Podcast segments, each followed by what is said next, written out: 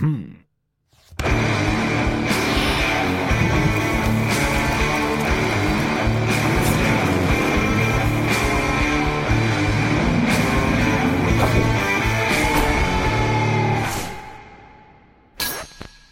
Ja obično kada počinjem podcast, uh, izaberem neku knjigu koja mi je važna iz nekog razloga, koja možda ima na neki način veze sa gostom i onda pročitam određeni segment koji može da bude dobar šlagvor za početak razgovora ovo ili ono. Sad sam rešio da to ne uradim iz prostog razloga što ćemo razgovarati o muzici i o muzičkom biznisu. A, sve dobre knjige koje imamo u muzici ili su uglavnom a, a, ili biografske ili istorijske i sve su na engleskom jeziku. Nema dobrih muzičkih knjiga na srpskom jeziku napisanih poslednjih sigurno 10-15 godina, ne znam da li je nešto dobro napisano. Ovaj, znam da je kao Pere Janjatović pisao neku rock and roll enciklopediju. Mhm. -huh. Znam da je uh, Cukić prevodio svoje vremeno davno neke, ali to su rock and roll priče. To su biografije, tako. Da, biografije, rock and roll, nema ničega suvislog, savremenog i što bi moglo da se dobro poveže sa našom temom.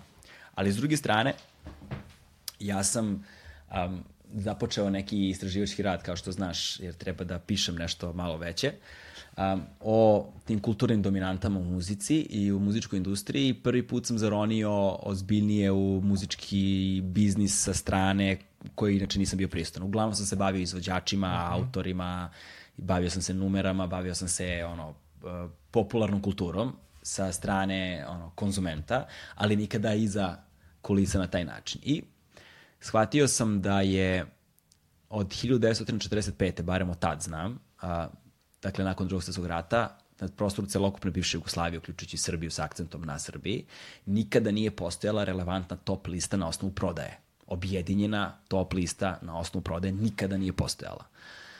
Što je užasno veliki problem. Baš užasno veliki problem. Druga stvar koja je u vezi sa time jeste da je od uvek postojao sukob interesa u sprezi medija i izdavaštva sve velike kuće medijske su imale svoje izdavačke delatnosti, što znači da su bile u direktnom sukobu interesa jer su favorizovale sobstvena izdanja, a negativnu selekciju su imale prema onima koji nisu sa njihovog labela. Uključujući B92 i Pink i uh, RTS koji je odnosno započeo sve to, oni su bili prvi.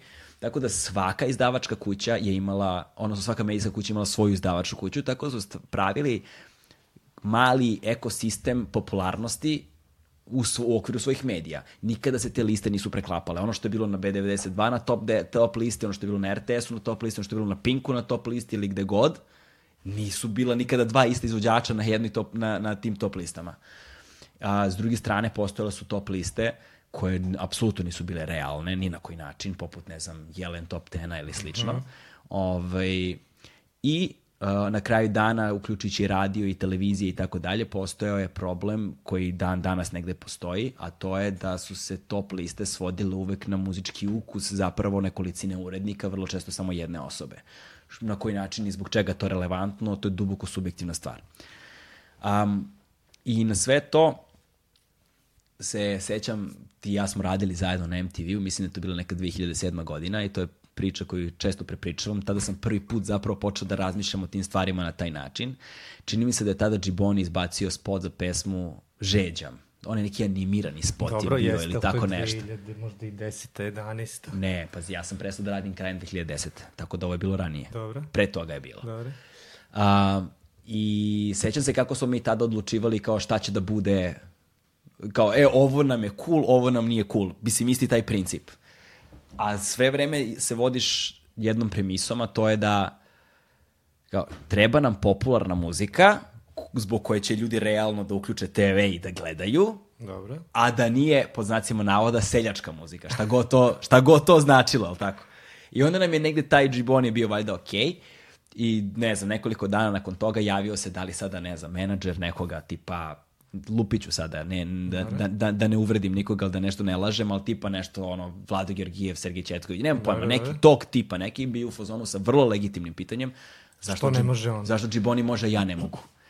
I to je sasvim legitimno pitanje na koje Jeste. mi nismo imali zapravo odgovor. A cela ta stvar, ovaj, i za sve celokupne te stvari se krije upravo ovo što će biti nama danas tema. Hoćeš da pričamo o MTV-u to? Ne, ne, ne, ne, ne, ne, ne, ne, ne, ne, ne. Hoću da pričamo o, a, o muzičkoj industriji, hoću da pričamo o autorskim i srodnim pravima, hoću da pričamo o tome sa čime se bori, bore izvođači, sa čime se Mhm. bore autori, sa čime se bore izdavači uh, i šta je ono zbog čega se nalazimo tu gde se nalazimo, a nalazimo se u tome već Od uvek. od uvek, da kažemo, ono što sam ja barem otkrio od, od, od kraja drugog svetskog rata. Od uvek.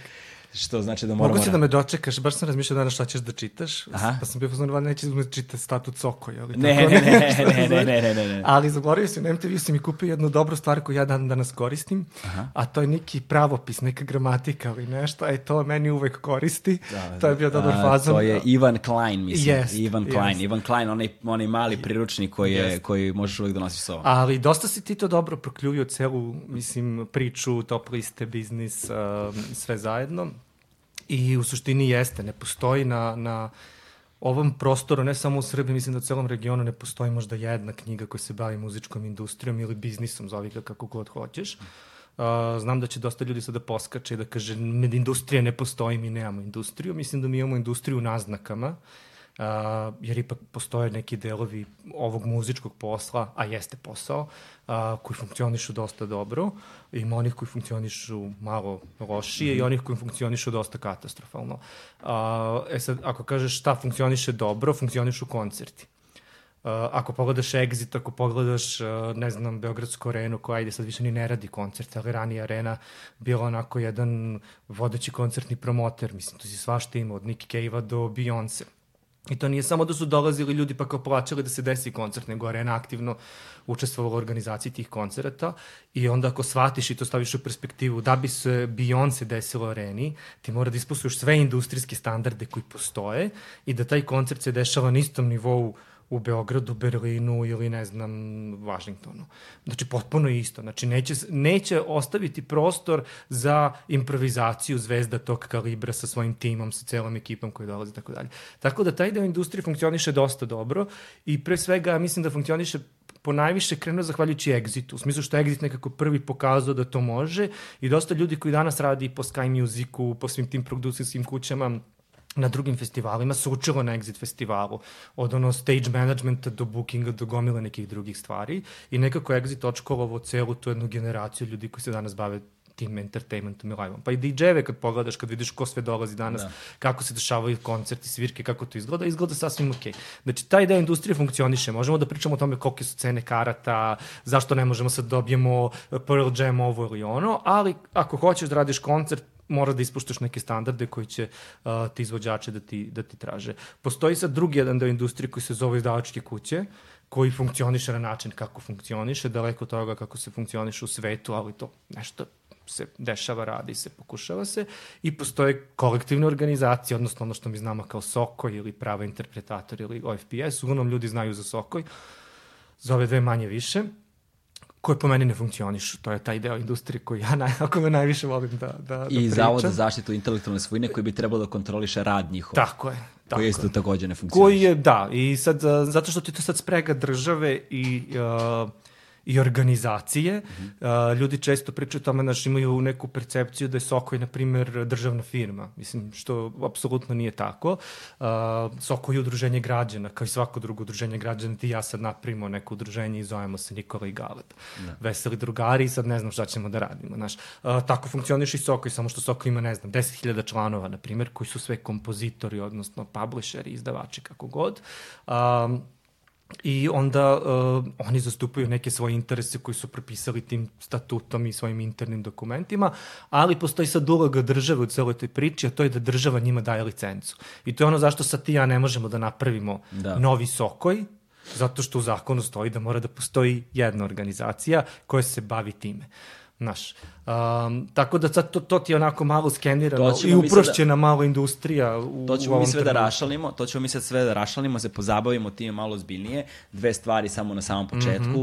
jer pokušavao sam ranije da vodim ovu vrstu razgovora Dobro. sa ne preterano uspeha, zato što ima ta jedna anegdota uh, kada je Einstein uh, otišao u Ameriku i uh, ovaj, teorija relativiteta jeste, jel te bila nova i intervjuisali su ga razno razni mediji i bio je jedan ribolovački časopis ili tako nešto koji je radio valjda intervju sa njime i pitali su ga za njegovu novu teoriju, on je počeo da objašnjava, novinar ga je zaustavio i rekao, izvinite, molim vas, ako možete samo malo jednostavnije, on se zaustavio, počeo ponovo kao jednostavnije, on ga je zaustavio ponovo i rekao, izvinite, molim vas, ali ako možete još jednostavnije, ovo je počeo ponovo, ovaj ga zaustavio treći put i rekao, ako možete, ipak znate, mi smo ribolovački magazin i on je rekao, stvari mogu da budu najjednostavnije moguće, ali ne jednostavnije od toga.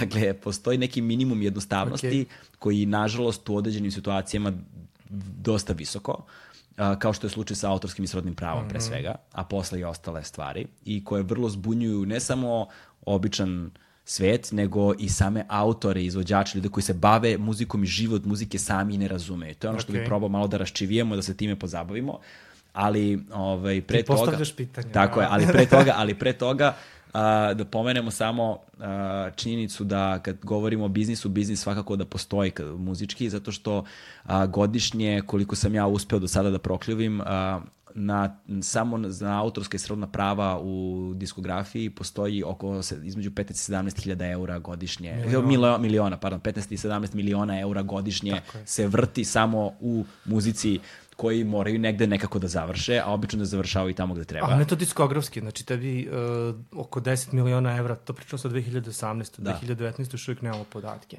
Uh, je 10 miliona je Sokoj, uh, Uh, oko šest, ja mislim da je OFPS koji skuplja pare za dve organizacije, tako da kad bi rekao kao neka vrednost autorskih prava u kontekstu šta se prikupi od, mhm. ne znam, uh, televizija, radio stanica, emitovanja po kafićima, restoranima, frizerskim salonima, javne emitovanja, koncerti, sve to kad spustiš zajedno, to bude oko, ajde kažemo, 15 miliona evra 2012. godine. Što, složit ćemo se, za Srbiju nije mala cifra, ona sigurno može da bude veća kad bi neke vrste tih naplata radile još bolje, ali ajde da kažemo da uzmemo to kao neki osnov.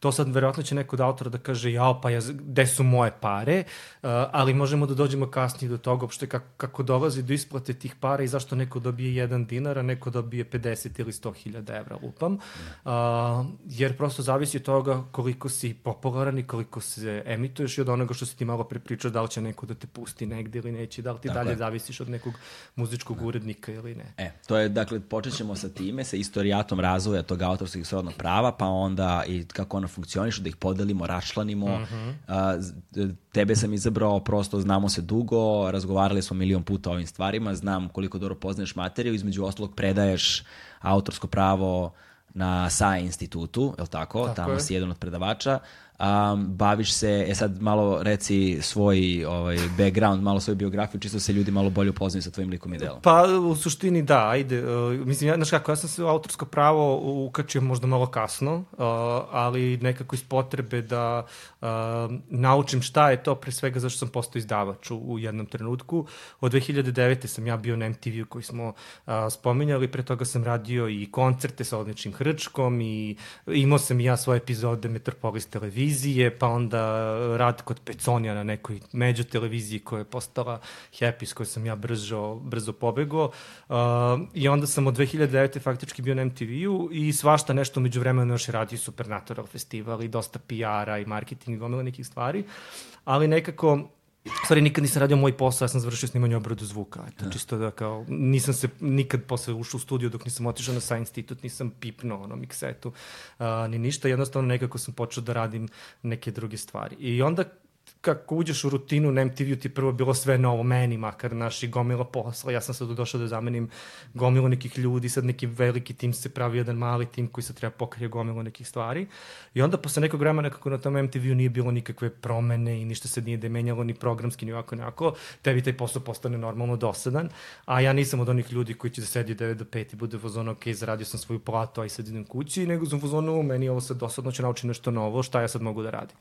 E onda se u tom trenutku, uh, sećaš se jednog perioda kada su svi imali free download, da. kada niko nije hteo faktički da radi s izdavačima ništa i onako postoji jedan veliki ono otklon prema izdavačima i zašto bi sad ja nekome dao, diskovi se nisu prodavali, mislim celo tržište se onako nekako dosta, dosta srušilo i mi smo počeli na MTV da radimo taj free download i prvo je bilo sa Sarsom i to je bilo nešto mega uspešno, tipa taj album koji smo mi okačili na MTV sajt ima nekih 40-50 hiljada downloada, ono ne znam, 30 hiljada za dva dana, tipa pustili smo ga za novu godinu. Znači stvarno ono noš kao veliki napadi na serveri na sve i svi, svi smo bili onako malo zatečeni kao čoveče, pa kao ovo ljudi stvarno kao hoće da slušaju, kao naš, nekoga zanima da preuzme te MP3 fajlove.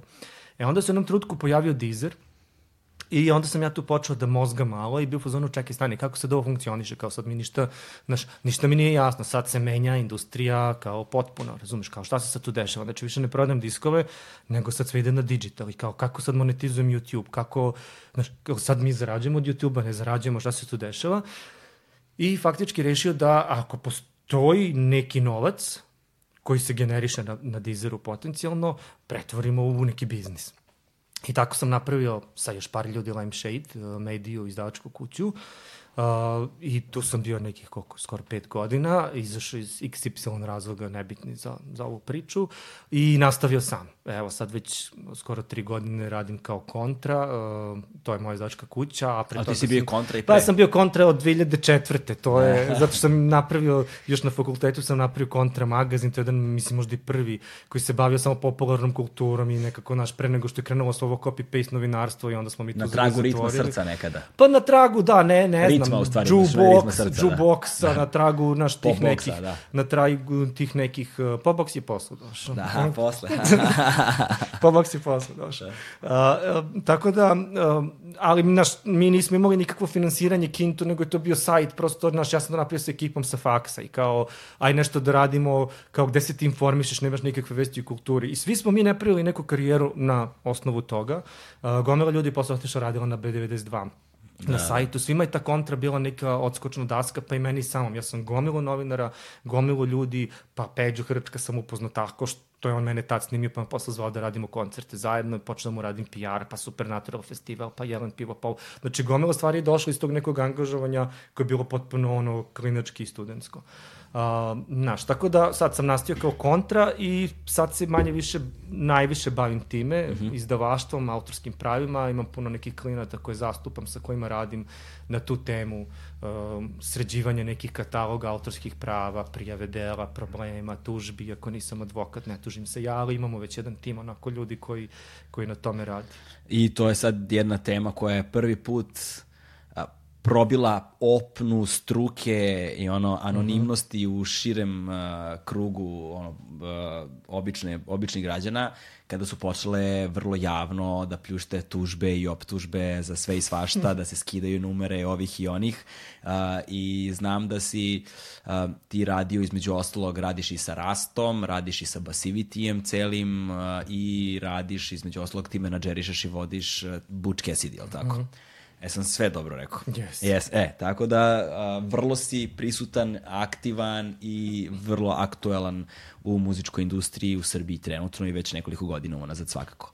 E sada, da počnemo sa... Kreni odakle Kre, da, da, počnemo... Od tužbe. Da, počnemo, da, nećemo početi. Tu, tužbe ćemo da pominjemo i ceo problem koji je nastajao, nastajao dok koji su imali Rasta, koji je imao Basiviti sa, ne znam, Bojanom Voturišević i tako dalje. Sve to možemo da dotaknemo, ali tek kada ustanovimo okay. ono, os, osnove. Osnove. osnove. Dakle, a, kada si pominjao taj free download i tako mhm. dalje, za ljude koji ne znaju, samo da napomenemo posebno za mlađu publiku koje ima dosta. Dakle, a, krajem 90. godina a, pojavio se Napster, a, zaboravio sam kako se zove lik koji ga je napravio, koji je zapravo napravio prvi MP3 format. Uh, I Napster je zapravo bio prvi peer-to-peer -peer program koji je zapravo povezivao dva računara putem interneta, su mogli da razmenjuju fajlove.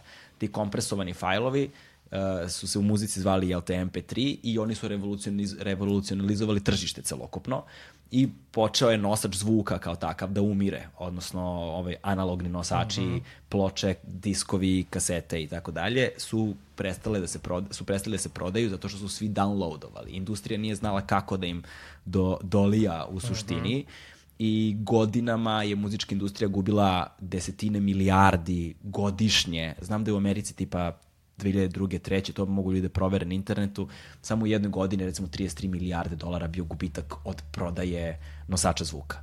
Um, I taj kratak vremenski period od nekoliko godina, recimo od 2000. do, na primjer, 2007. recimo, ovaj, je bilo to vreme ono piraterije i to je, i to je pre nego što je internet počeo da se kontroliše algoritmima i tako dalje. Pre nego što su društvene mreže postale. Mislim da to još uvek traje, izvini, ali mislim, mislim generalno mislim da industrija još uvek od toga oporavlja. Nije to baš Uh, mislim da to traje sve do pojave Spotify-a. Pa da, da. Na- do na- pojave streaming servisa u Pa suštini. da, do pojave streaming servisa, ali Spotify kao nešto što sad najširi broj ljudi Da. percipira kao neki streaming servis, Eto. kao što je Deezer, kao što je Spotify, Ali- kao što je Apple, kao što je iTunes. I iTunes isto je tad uveo download, ali zvanični download, odnosno Apple je Da. smislio kao E pa sad pojenta je samo da kažem da taj period divljeg zapada, mm -hmm. ono na što si ti zapravo referisao, koji je bio, Jeste. to je period od pojave MP3-a dok se nisu pojavili algoritmi i ono streaming servisi koji sad polako preuzimaju ponovo kontrolu nad tržištem i nad, nad industrijom. E, a sad mi da dođemo na temu autorskog i srodnog prava. Dobro. Dakle, um, kada predaješ klincima na fakultetu koji se prvi put susreću sa autorskim i srodnim pravom, kako ti to njima školski objasniš i raščlaniš u samom startu na prvom predavanju? Pa na šta, ja koristim dosta primjera za početak, da, da. pa po- ćemo ih i ti ja verovatno, ali uh, pokušam da im objasnim da postoje tri najbitnija prava koji njih u životu zanimaju. Uh, I tako ćemo i sada pričamo da. i, i ovde. Uh, to su uglavnom studenti audio produkcije, pa je njima onda ta tema bliska, jer oni sutra treba da prave neku muziku ili će nešto raditi za nekoga, biti producenti i tako dalje. I to su stvari koje ja mislim da svaki muzičar mora da zna. Moram samo da referišem malo na ovo što si ti rekao, pa ću da nastavim, nazad, nastavim napred. Um, Postoji jedna stvar zašto niko nije pričao o ovome 20, 30 i kusur godina, a mislim da su ljudi koji su u industriji vrlo dobro naučili materiju i držali sve stvari za sebe. I ja sam veliki pobornik toga da se ne priča da u muzici nema para. Mene to užasno nervira, užasno mi iritira. Uh, jer kad ti kad stvaraš tu sliku i atmosferu da u tome nema para, nema para, nema para, nema para, uh, mahom će onda ljudi koji se bave muzikom prvo imati malo očekivanja od toga. Znači imat ću neki ono bendić, nešto ćemo sviramo vikend, mi to mi je kao neki hobi.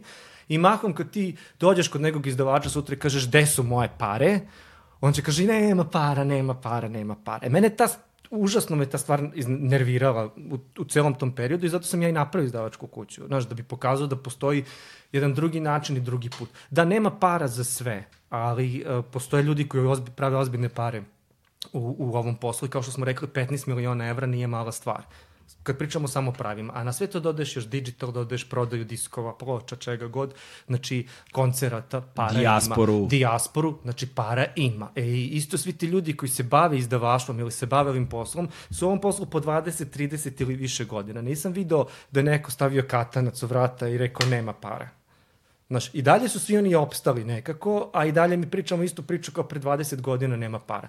Mislim da je generalno problem što mi pokušamo da veštački uh, taj neki stari sistem koji je postojao i dalje održavamo u životu, umesto da ga srušimo do temelja i da onda sve krene iz početka. Znaš, a mi se stalno vraćamo na to kako je bilo u komunizmu i kako je bilo 80-ih i kako je bilo koga boli uvo za to više. Znači, vremene su se toliko promenile da to prosto nije više ni ista zemlja, nisu isto više ljudi, pola ljudi je otišlo odavde, poubijano šta god. Znači, prosto ne možemo pričamo više o istim, istim parametrima koji su tada prosto. A nisu ni isti zakoni. A nisu, mislim, I dobro. nije ista tehnologija. O tehnologiji nećemo da govorimo. Znači, da. tehnologija se toliko promenila da ti sad da doneseš ono, kao oni internet, oni klipovi gde puštaju deci Walkman i kao, ajde, pusti mi kasetu, je, to, to je bukvalno na tom nivou. E sad, kad pričamo o autorskom pravu, ono što mislim da svaki muzičar mora da zna jeste koja prava konkretno on posjeduje.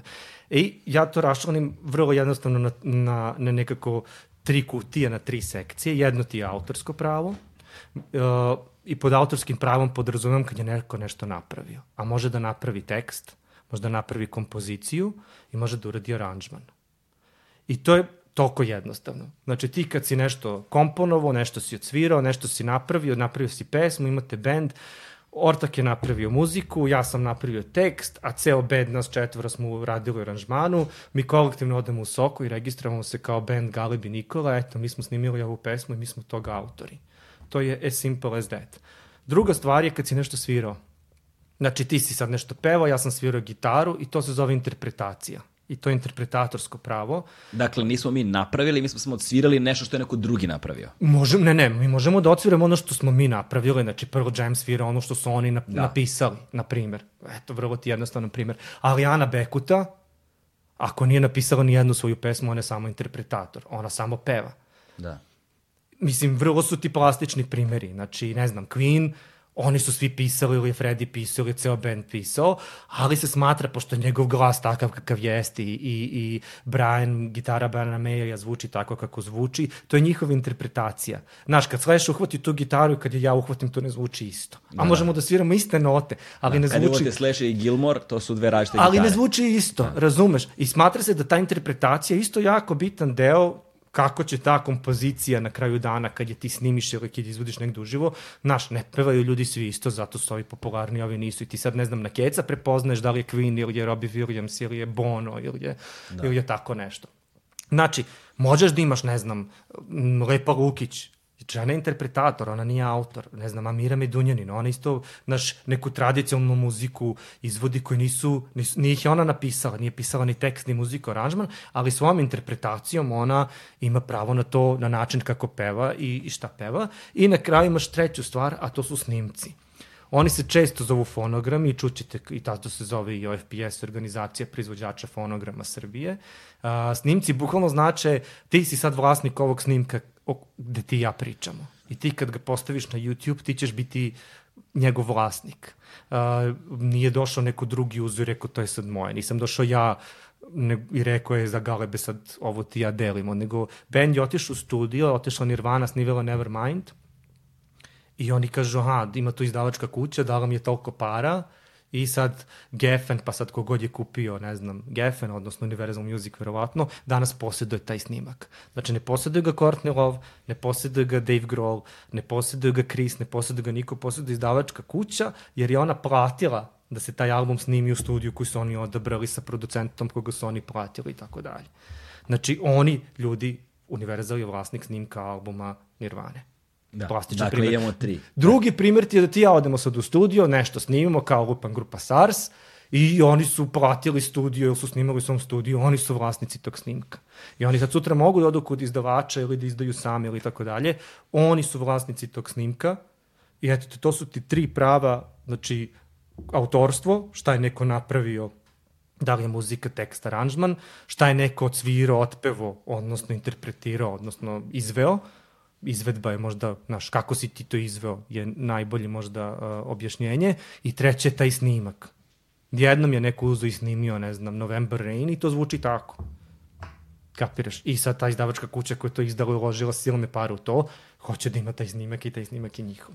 To su ti, po meni, najjednostavnije kako bi mogao nekome da, da objasnim uh, koje su prava nekog, nekog muzičara. I mislim da muzičari bazično ta prava ne razumeju. E onda kad se to umeša digital, onda tu dobiješ jedan onako op, veliki šum uh, i onda počinju svašta to nešto da se, da se meša. Još kada spomeneš publishing, Aha. I kad spomeniš još neke druge stvari, ljudi tu počinju često mešaju publishing i fonograme i često mešaju gomilu nekih stvari. Sad ne znam koliko je uopšte široj javnosti i onako će ovo biti najmanje gledan podcast. široj javnosti koliko će biti zanimljive te neke stvari. Ali ovo je najbazičnije šta moraju iskreno. Svaki muzičar znam da ih mrzi, da ih čitaju i da se, ali mladiš mi imaš i dosta na, internetu, najjednostavnije šta treba da znaju. Prosto to su pravi kad potpisuješ ugovor sa izdavačima ili sad imao sam band koji odišu, ne znam, tri boje zvuka. Prosto ugovori su takvi da mora da ih čitaš i moraš da gledaš I ja sam tražio da se menjaju. Prosto nisam bio zadovoljan ugovorom u kome se neke sve interpretacije prepuštaju i tako dalje. Znači moraš da vodiš račun o tome šta potpisuješ i šta ti dobijaš za uzvrat. Dakle, u, u potpisivanju tih ugovora, ovaj, tih katastrofalnih ugovora, zapravo leži problematika sa kojom se suočava veliki broj a, autora, izvođača, odnosno interpretatora danas. Pa ne, bi, ne bih ja nazvao katastrofalnim. Da, da. Sad zavisiš da smatraš pod katastrofom. Da, znaš. da. Ali sigurno postoje ugovori koji, koji su katastrofalni, postoje oni ugovori koji su manje katastrofalni, postoje neki ugovori koji se možda smatraju fair. A, ti um, slobodnom voljom ulaziš u, u neki odnos, ili tako? Znači ti si otišao kod nekoga i ti, postoji razlog zbog čega ti misliš da treba da odeš kod nekog izdavača.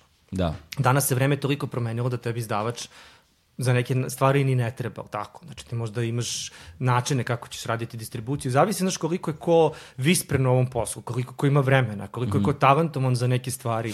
Um, ti možeš neke stvari da radiš i sam. Ima ljudi koji nemaju vremena uh, da se jednostavno bave time. Ako si ti na putu, kao ne znam, dubioza, imaš 200 koncerata, 300 koncerata godišnje, razumeš? Ti prosto nemaš stvari, se baviš ni sobstvenim PR-om, ni marketingom, ni kačanjem muzike na servise, ni analitikama, ni plaćanjima, ni...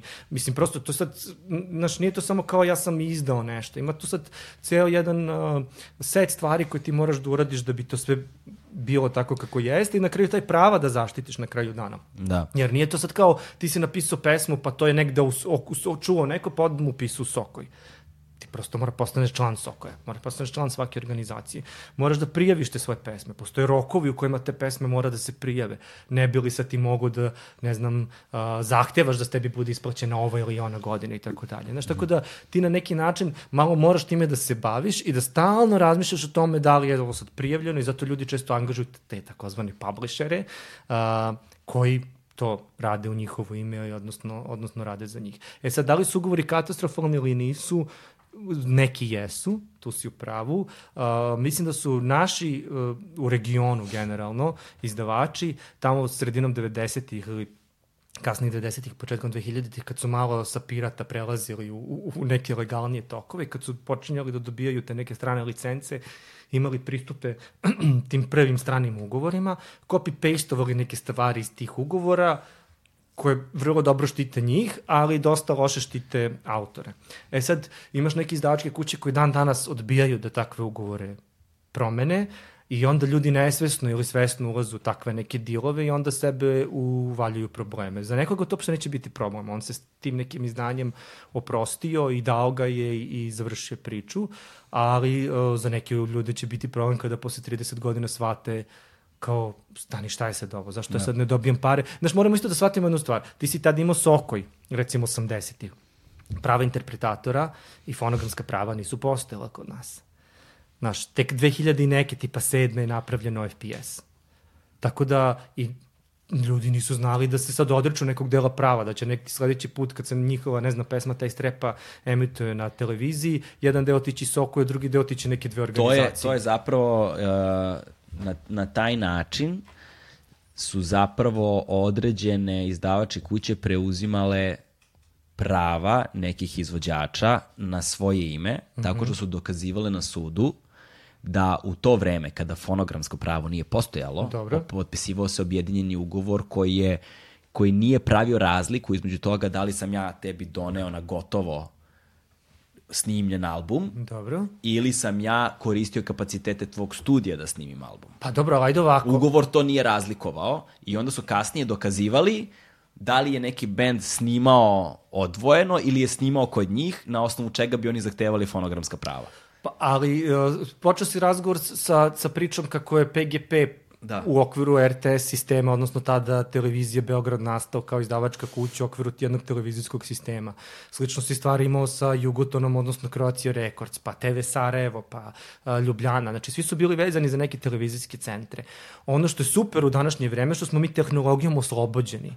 Oslobođeni muzičkih urednika. Ti nemaš muzičkog urednika na YouTube, tako? Da. Znači, nego imaš algoritam na neki način, ali ako je nešto popularno, ta Ana Nikolić će biti prva ili će Rasta biti prvi na trendingu ili gde god, bez obzira na to da li se to tebi sviđa ili meni sviđa ili se tebi ne sviđa. Znači, ono što ljudi žele, oni će to naći. Prvo možeš da pristupiš tome, možeš da ga pronađeš i možeš da vidiš neke parametre da je ono što popularno ili nije. U, u tom smislu tehnologija je sve oslobodila i srušila je te takozvane gatekeepere, ti da si ranije hteo da objaviš album u PGP-u, ili si mora da kod nekog urednika, pa ti on kaže ovo ti je dobro, ovo ti nije dobro, mm. pa ovaj omot ne može ovako, ovaj omot može ovako, pa ova reč ne može da bude to ili to mora da se promeni, pa šta će da kaže Savez komunista i tako dalje.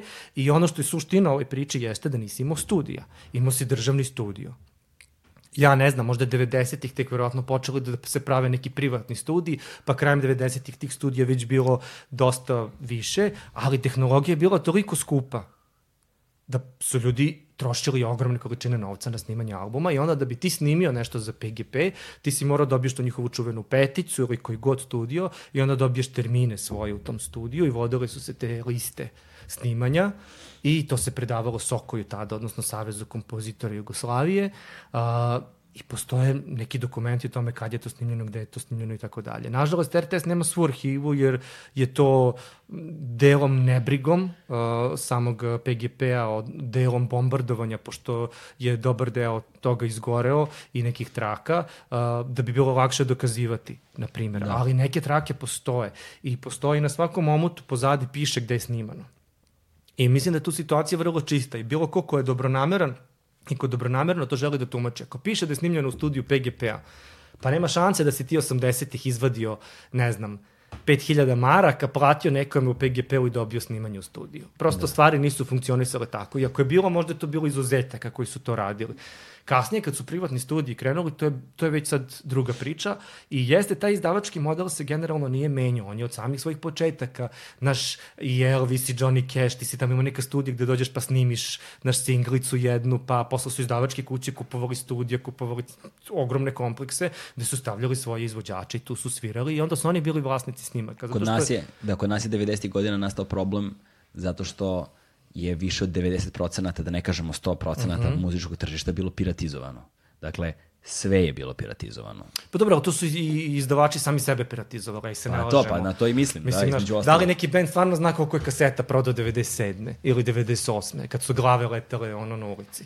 Mislim da se ne lažemo, niko tu nije ni pitao koliko si ti prodao kaseta, nego si dobio neke pare i bilo je grozno vreme i svi su bili fuzon, ajde daj šta daš. Mislim, naš, nažalost je tako funkcionisalo. E sad, uh, vreme se promenilo i ljudi više ne žele da rade tako. I sad se naravno pojavio internet koji je to malo sve zakomplikovao. I onda kad se tvoj album pojavi posle 30 godina na nekom servisu, normalno da ćeš ti da pitaš i da kažeš, pa čekaj, stani, je, mislim, šta sad ja imamo od ovoga? Da. I onda će neko da ti izvadi ugovor, kaže, ali vi ste se, znate, 86. odrekli interpretatorske naknade samo na 5 godina. Kapiraš? I onda ćemo ući u, u, u te probleme da mi faktički nismo raščistili te kataloge stare pre svega i šta tu ko kome pripada. I nažalost ne postoji sad neka organizacija koja će to sad da uredi, nego to moraju da urede sudovi. A ljudi se nerad, neredko ulaze u, u, u neredko se sude, neredko ulaze u te sudske postupke, zato što oni u Srbiji traju i koštaju i uvijek su nekog neizvesnog ishoda, jer ti ne znaš nikad ko će koga da potplati i kako će sudija da presudi. Na stranu što niko od sudija ne voli da sudi autorsko pravo, nikoga dovoljno dobro ne poznaje, uh, nema čak ni dovoljno veštaka koji mogu da, da dođu i da veštače. Dakle, dakle koli, do skoro sam sam znao da je bio samo jedan akreditovani sudski veštak za autorsko i srodno pravo, Ognjenu, Zelac, tako je, na teritoriji cele Republike Srbije. Da li se pojavio još neko? Ne znam. Uh, Ognjen je konkretno za to, recording muziku, snimanje, fonogramska prava i tako dalje. Imaš, drugi, imaš veštake u raznim oblastima umetnosti, da. ovim i onim, ali mislim da je Ognjen možda jedini. Trenutno. Jedini diskografiji. Tako je. Dakle, sutra ako neko tu, su, tuži, na primjer, njega, on će biti sudski veštak samom sebi. pa da, ali to isto možda imaš sukob interesa. Ako, da. Znači, na primjer, ako Ognjan ima nekoga, nekog klijenta koga već zastupa kao advokat, ne može njemu da bude i sudski veštak. Da, da. I onda ćeš imati problem što ćeš morati da nađeš nekoga drugog ko će da to nekako uh, veštači. Postoji, mislim, sad da ne ulazim u te pravne da, stvari kako se sad nešto dokazuje, ali generalno postoji problem u tome da 90-ih dođeš, izdavač ti da, ne znam, evo ti hiljadu maraka, otkupio sam album od tebe i ja sam time postao vlasnik tog snimka. I sad imaš malo tu disproporciju između toga što recimo taj neki album od Taste Rapa je napravio za ovih 30 godina nekog novca i ono realno koliko je neku taj, uh, neku taj album uložio, znaš. Ali mislim da će sve više krenuti da se te neke stvari, ono... Da. Evo ni psu se ne seća. Da, ona sanja nešto. uh, sve više će ljudi krenuti da traže svoje prava na neki način, znaš, jer ako si ti negde na Deezeru ili neko sluša negde tvoju muziku na Spotify ovde ili onde, pa ako ništa drugo, makar treba da dobiješ nek, deo neke te naknade koje ti pripada tim nekim starim ugovorom koji si potpisao ili mora da tražiš neki novi ugovor kojim ćeš rešiti te neke nove odnose koji su umeđu vremenu nastali, jer kao što si sam rekao, niko tad nije potpisao za digital, za ovo. Imaš čak neke PGP-ove ugovore stare koje sam ja čitao, koji se isključivo odnose recimo na kasete ili na, na ploče. Disk se ne spominje. Da. I šta ćemo sada? Znaš, kao da. ti nemaš pravo da to digneš na digitalnu distribuciju. Iako možda imaš master pravo, kao ti si vlasnik snimka, ali izrečito stoji u ugovoru kao samo diskovi i kasete. Ako samo kasete, kasete ploče, ili ploče. Da. Ima i neke EKV ugovori koje sam čitao, isključivo stoji kasete i ploče. Ne spominje se digital, ne spominje se, ali de facto je snimano u studiju PGP-a. Da, da. A pošto se opet ne spominje interpretatorska nakrada, znači sad neko naslednika može da kaže ne, mi to ne dozvoljamo, ide na Deezer, Oni kažu, ok, mi to ne dozvoljavamo da vi dignete na Deezer, smo mi vlasnici snimka i ti si onda tu pat poziciji. Znaš, dok da. se dve strane ne dogovore, to nikad neće videti svetlost dana u nekom digitalu. Pričam ti kao primer. Da, da, da. E sada, uh, hajde da uđemo malo dublje za one koji i dalje imaju ovaj, strpljenja koji su i, još sa nama. i koji su još uvijek sa nama.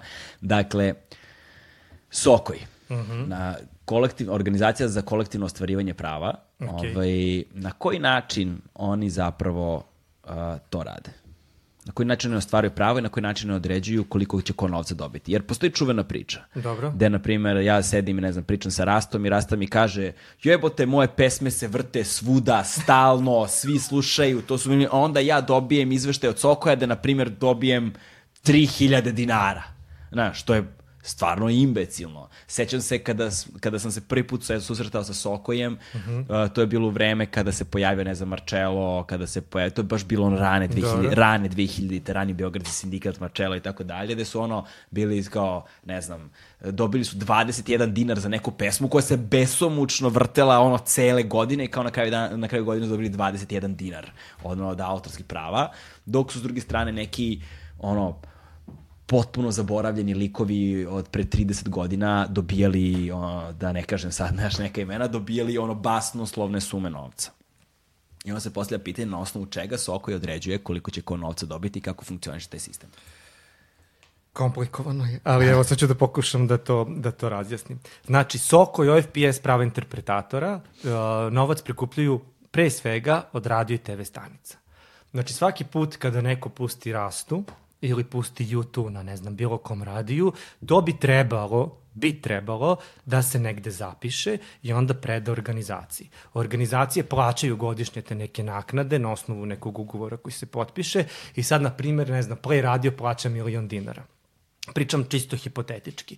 I onda taj novac koji se slije od svih tih radio stanica, hvala Bogu, Srbije ih ima mali milion i TV stanica po Srbiji, mada televizija sve manje i manje pušta muzike, ali opet ne smo zaboravimo da se na televiziji muzika koristi u raznim nekim segmentima, u filmovima, u serijama, u špicama, u reklamama. U reklamama. To je tek, znači, posebna jedna siva zona gde ti uh, si s oproštenjem jeban, ako ti je muzika u reklami, a naravno niko od klijenta to nikad ni ne prijavi ako postoje zakonske obaveze i tako dalje. Znači, aj sad ostavimo to po strani. Ali da kažemo, znači, najveći gro novca dobio se od televizijskih i radio stanica, I na sve to treba onda da dodaš koncerte, pošto svaki put kad ti organizuješ koncert, e, postoji određeni procenat, zavisno od toga koliko ljudi na koncertu bilo koji ti treba da platiš od svake karte. Postoji to, sad da ne ulazim u detalje, ali postoji razlog zašto je to tako. Sve e, frizeri, kafane, restorani, sale za svadbe, sahrane, šta god, trebaju da plaćaju naknadu ukoliko u svom prostoru imaju muziku. Pošto muzika... Odnosno ozvučenje. Pa mislim o zvučenju, da, da, da, to. mislim da li imaju live band, da li im puštaju muziku sa YouTube-a, naš često kaže ljudi, ali ja puštam muziku sa YouTube-a nema veze, ti puštaš muziku, tam, tu muziku je neko napravio i sad na osnovu te atmosfere koju ti baš tom muzikom praviš, tebi idu ljudi baš sede tu zašto ti puštaš cecu ili zato što puštaš kafe del mar. Znaš, pa sad ja pijem baš kafu kod tebe, a ne pijem kod ovoga koji pušta cecu. Na primer, razumeš? Ali ta muzika nije, to je javno izvođenje, znači javno emitovanje u stvari. Uh, ta muzika nije namenjena da ti to puštaš pa na osnovu toga ti još i nešto zarađuješ, nego namenjena je tome da ti to možda slušaš kod kuće.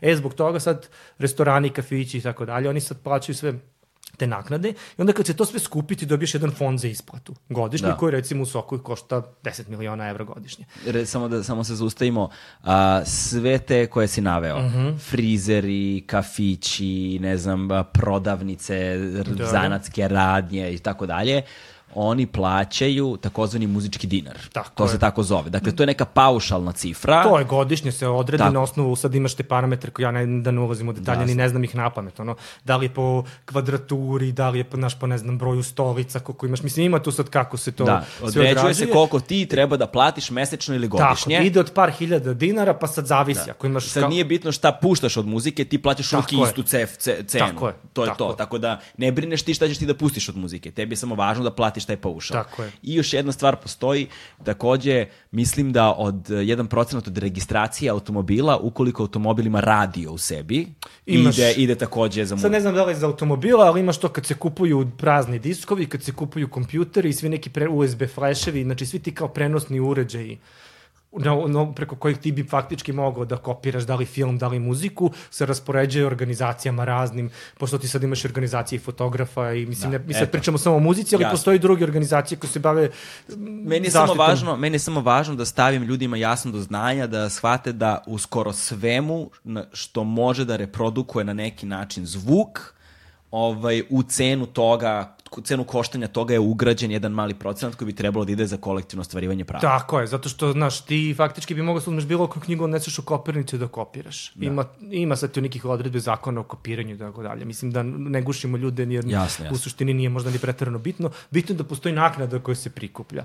E sad dolazimo do ključnog problema, a to je kako se naknada isplaćuje. I da. to je ono što mene izluđuje do živaca. Razumeš? I zbog čega ja penim i pišem otvorena pisma ono po Facebooku i gde god. A to je gde su pare? Da. E, a sad ćemo da dođemo stvari do jedne paradoksalne situacije. Kad ti kažeš moja muzika se emituje, Da. ja te pitam kako ti to znaš. Ti kažeš čuo sam dok sam se vozio na taksiju, u taksiju. Kažem, ok, koliko puta je tvoja pesma emitovana? Gde je ona emitovana? Na kom radiju? Na, u kojoj televiziji? Jedno je kad ti kažeš ja sam imao, kao što je na primjer imao Rasta, imao je muziku, dve pesme u filmu Južni vetar, dajem Da. ti primer, i sad taj film je napravio 300 ili 500 hiljada pregleda. A on je za bioskope dobio 5000 dinara. Da. I onda je moje pitanje Sokoju, da li film koji je napravio 300, ajde da kažemo 300 hiljada gledanja, stvarno vredi 5000 dinara u toj muzici? Da, da. To je najgledaniji film prošle godine u srpskim bioskopima. Razumeš? Nažalost, glavni problem je u raspodeli novca. Ja mislim da je Južni vetar, kad smo kod njega imao, da je to prvi koji je tipa probio milion gledalaca u bioskopima. Tim gore. Nešto, da. tim da. gore. Evo, ja sam se zaustavio na 300. Da, da, da, znači, tim gore. Tim gore. Dolazimo do suštinskog problema, a to je netransparentnost svih ovih organizacija. Odnosno, mi svi znamo da one postoje, mi svi znamo da one prikupljaju naknadu, ali sad ući u način kako se te naknade isplaćaju šta se radi sa njima je u stvari jedna vrsta umetnosti. Uh, glavni problem je transparentnost rada Sokoja, OFPS-a i prava interpretatora i način na koji oni te naknade isplaćuju. Po meni, on, iako postoje mali napreci, mala poboljšanja, to nije dovoljno. Zato što gledam kako, hvala Bogu, putem po konferencijama upoznajem razne ljude, bio sam upoznao razne kolektivne organizacije. Imaš primer Hrvatske, koja nam je tu skoro pa najbliža u regionu, gde ipak autorska prava mogu da funkcionišu mnogo bolje. I uh, naravno sad će mene svi ono da proglase tamo kako sam ja pro za Hrvatsku, kao što ste već uradili, jer guram neki softver koji su Hrvati napravili sami softver da prepoznaju šta se emituje na radiju ili na televiziji. To je vrlo jednostavno. Mi u Srbiji nemamo takav softver. Dakle, ljudima samo plastično da objasnimo, koji možda zbunjuje to, zamislite kao kad koristite aplikaciju Shazam Tako na, na svom telefonu. Dakle, kao, ka- kao, kada, na, kao kada na YouTube-u ako okačite klip, vam YouTube banuje video ili vam ugasi muziku zato što koristite muziku na koju nemate pravo.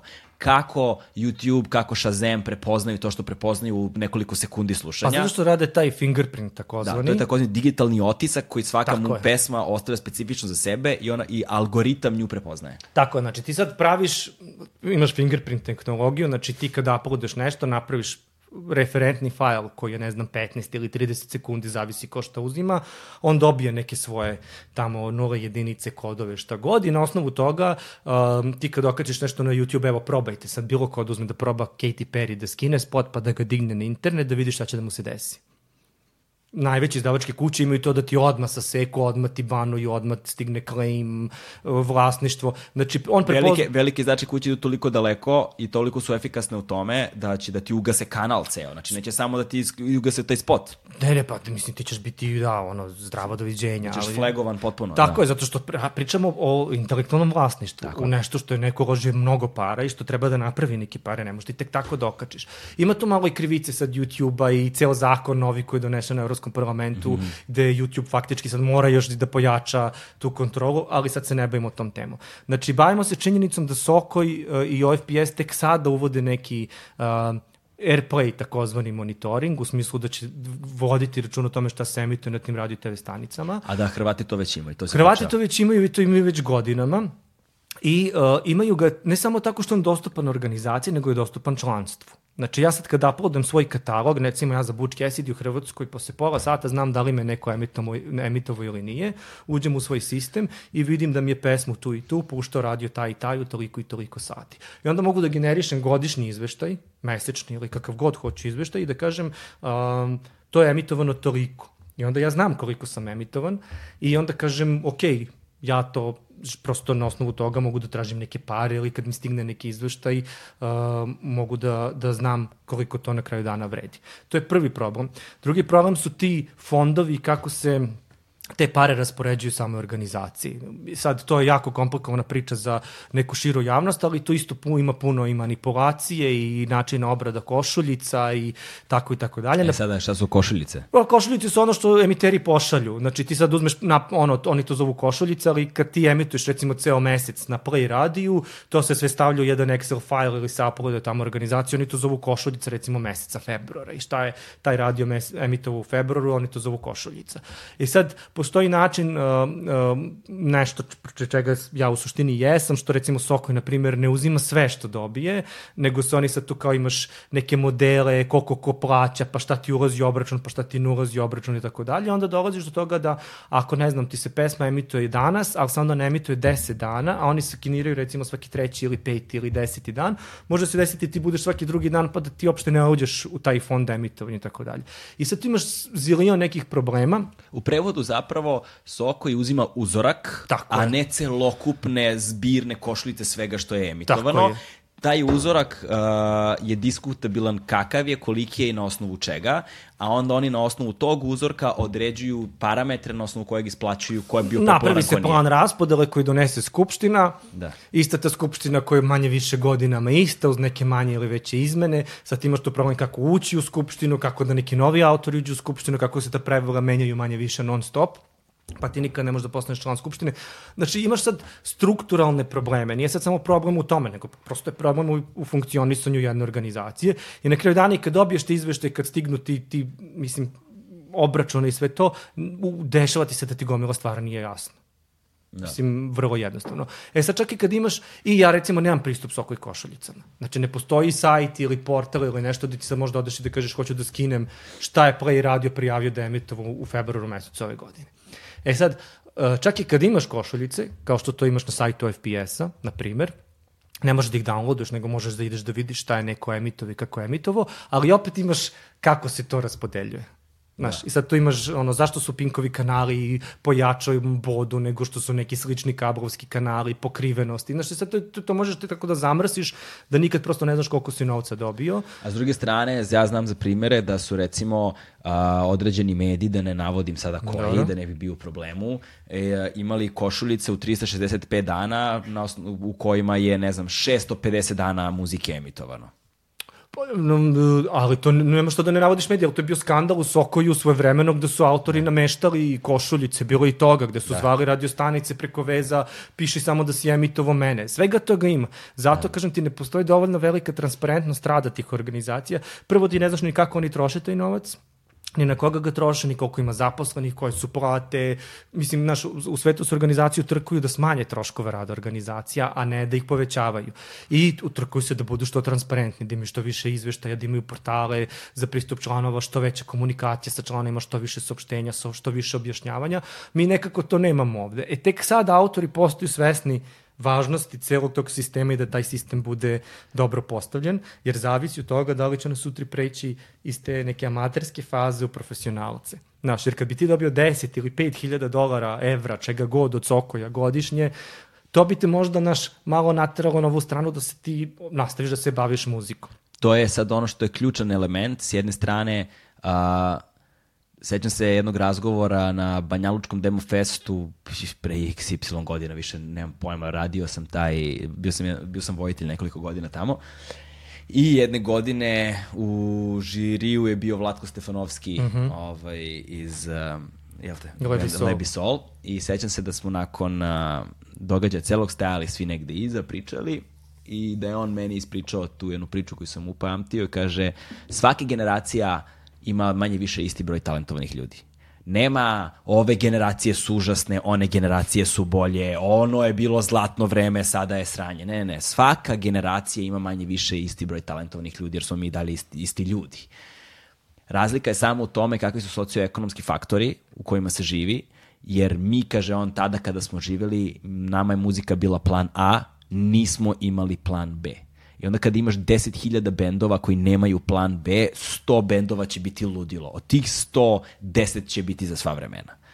A, danas klinci kada se bave muzikom, ono, muzika im nije ni plan B, ni plan C, ni plan D, ni plan E Ono, znači, muzika dolazi nešto u slobodno vreme kada završim školu, kada završim fakultet, kada odradim obaveze prema roditeljima, prema devojci i dečku, kada odradim obaveze prema prijateljima, letovanja, zimovanja, ovo, ono, e, ono slobodno vreme što mi ostane, ako sam raspoložen imam dovoljno love, onda se bavim muzikom.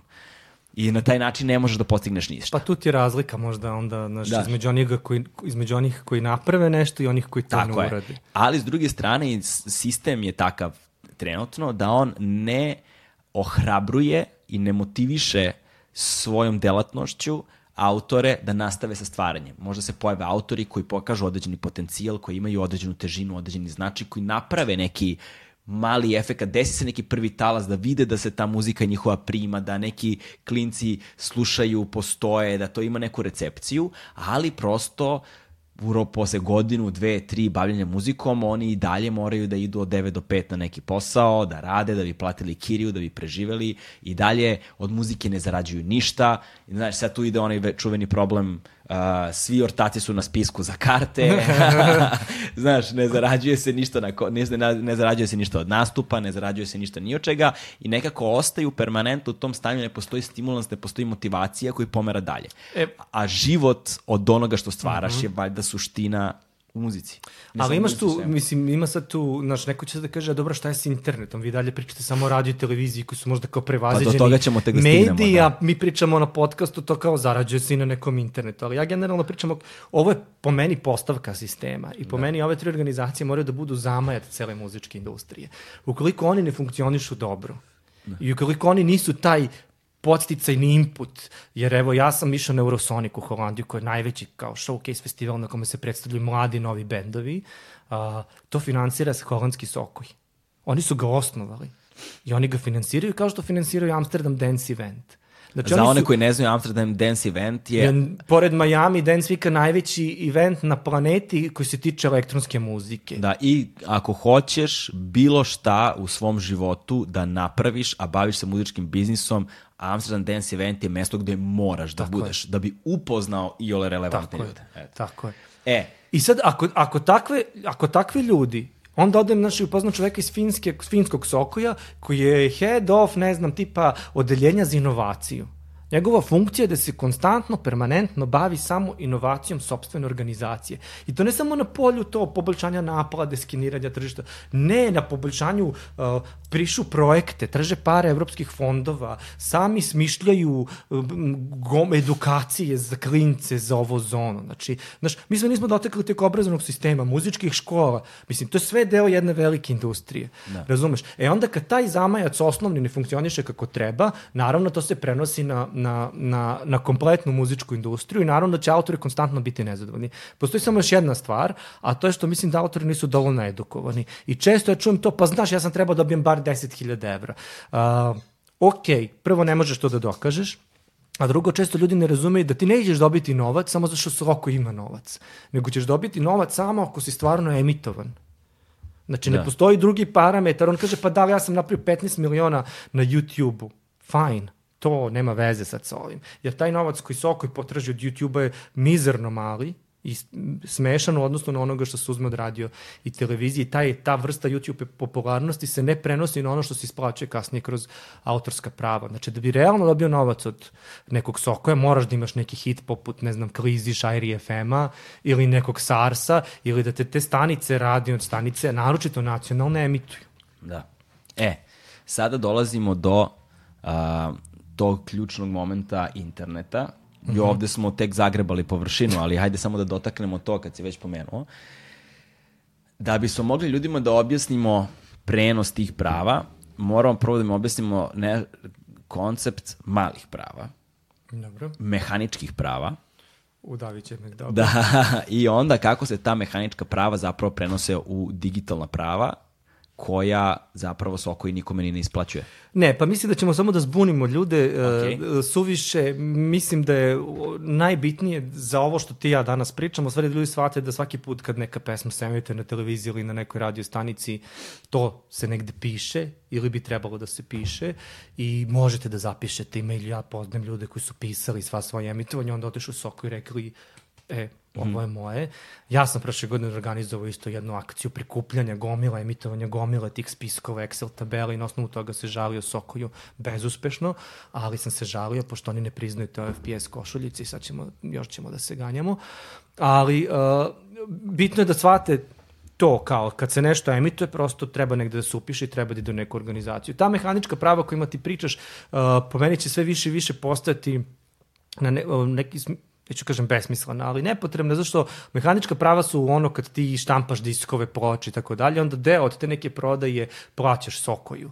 Uh, ne znam da li ćemo ih uopšte, znaš, zbunit ćemo sad ljudi sad sa pričom o digitalu i tako dalje, mislim da neće uopšte uspeti da ukače ceo taj koncept kako se sad mala mehanička i mislim da im to nije bitno. Internet otvara jednu drugu priču, a to je da ti sad možeš da uploaduješ nešto na, na YouTube, na Deezer, na Spotify koji će najvjerojatnije relativno brzo početi da, da radi u našem regionu, na, ne znam, Explore Music, na gomilu nekih drugih servisa i bit će dostupno, uh, dostupno tvoje tetki u Kanadi da sluša to šta je njen sinovac snimio u matici. Da. E sad, i tu imaš onaj problem što ljudi misle sad kad sam otišao na Deezer i onda se meni bendovi iznenade kao ja zaradio sam 1 evro. I digital je igra velikih brojki. Znači, što imaš više tih pregleda viewova, to ćeš zaraditi više. Što, ako te to neko posluša tvoj album 10 puta, ne možeš da se nadaš da ćeš dobiti ono 0,02 ono, centa ili tako nešto. Znači, prosto um, nisu sad to brojke, neko je jednom pustio moj album na Deezer, ja sam sad zaradio 100 evra. Prosto to, nažalost, ne funkcioniše tako. E sada, um, uh, od digitalne di, od digitalne uh, liste, Dobro. odnosno od onoga što se sluša online, Dobro? Deezer, na primer, i tako dalje, uh, da li je Sokoj ikada isplatio nekom našem izvođaču u Srbiji prava? Uh, sad malo spinujemo. Dobro. Sad malo spinujemo i teraš me, sad sam u situaciji da branim Sokoj, što je potpuno, ok. potpuno besmisleno. Ali, evo ovako. A, postoje sad dve, tri stvari koje moramo ljudima da objasnimo pre toga da, da kažemo da Sokoj nije isplatio. Dobro. Ali moram da objasnim šta Sokoj nije isplatio, pošto nije sad tu uh, Sokoj kriv za sve. Uh, ti kad daš recimo, evo, me, ja sam imao SARS kod mene u izdavačkoj kući ja sam podigao sve te albume na digitalne servise i SARS je svaki mesec od mene imao neku zaradu. Uh, deo zarade, najveći deo zarade, isplaćaju izdavači. I to moraju ljudi da razumeju. Znači, ako je neki album zaradio 100 evra na digitalnoj distribuciji, tih 100 evra će meni da bude uplaćeno na račun, a onda ću prema svom ugovoru, kakav god ja ugovor imao s bendom, 80, 20, 50, 50, kako god, ja njima dati, ajde kažemo da je 50-50, 50 evra ide njima, 50 evra ostaje meni. Pričam ti neki kao, kao primer. Uh, to je ono što isplaća izdavač. Ili to ono što će sam autor dobiti. Na primjer, imaš, ne znam, gazda Paja, sve diže sam na internet, ili tako, preko svoje izdavačke kuće.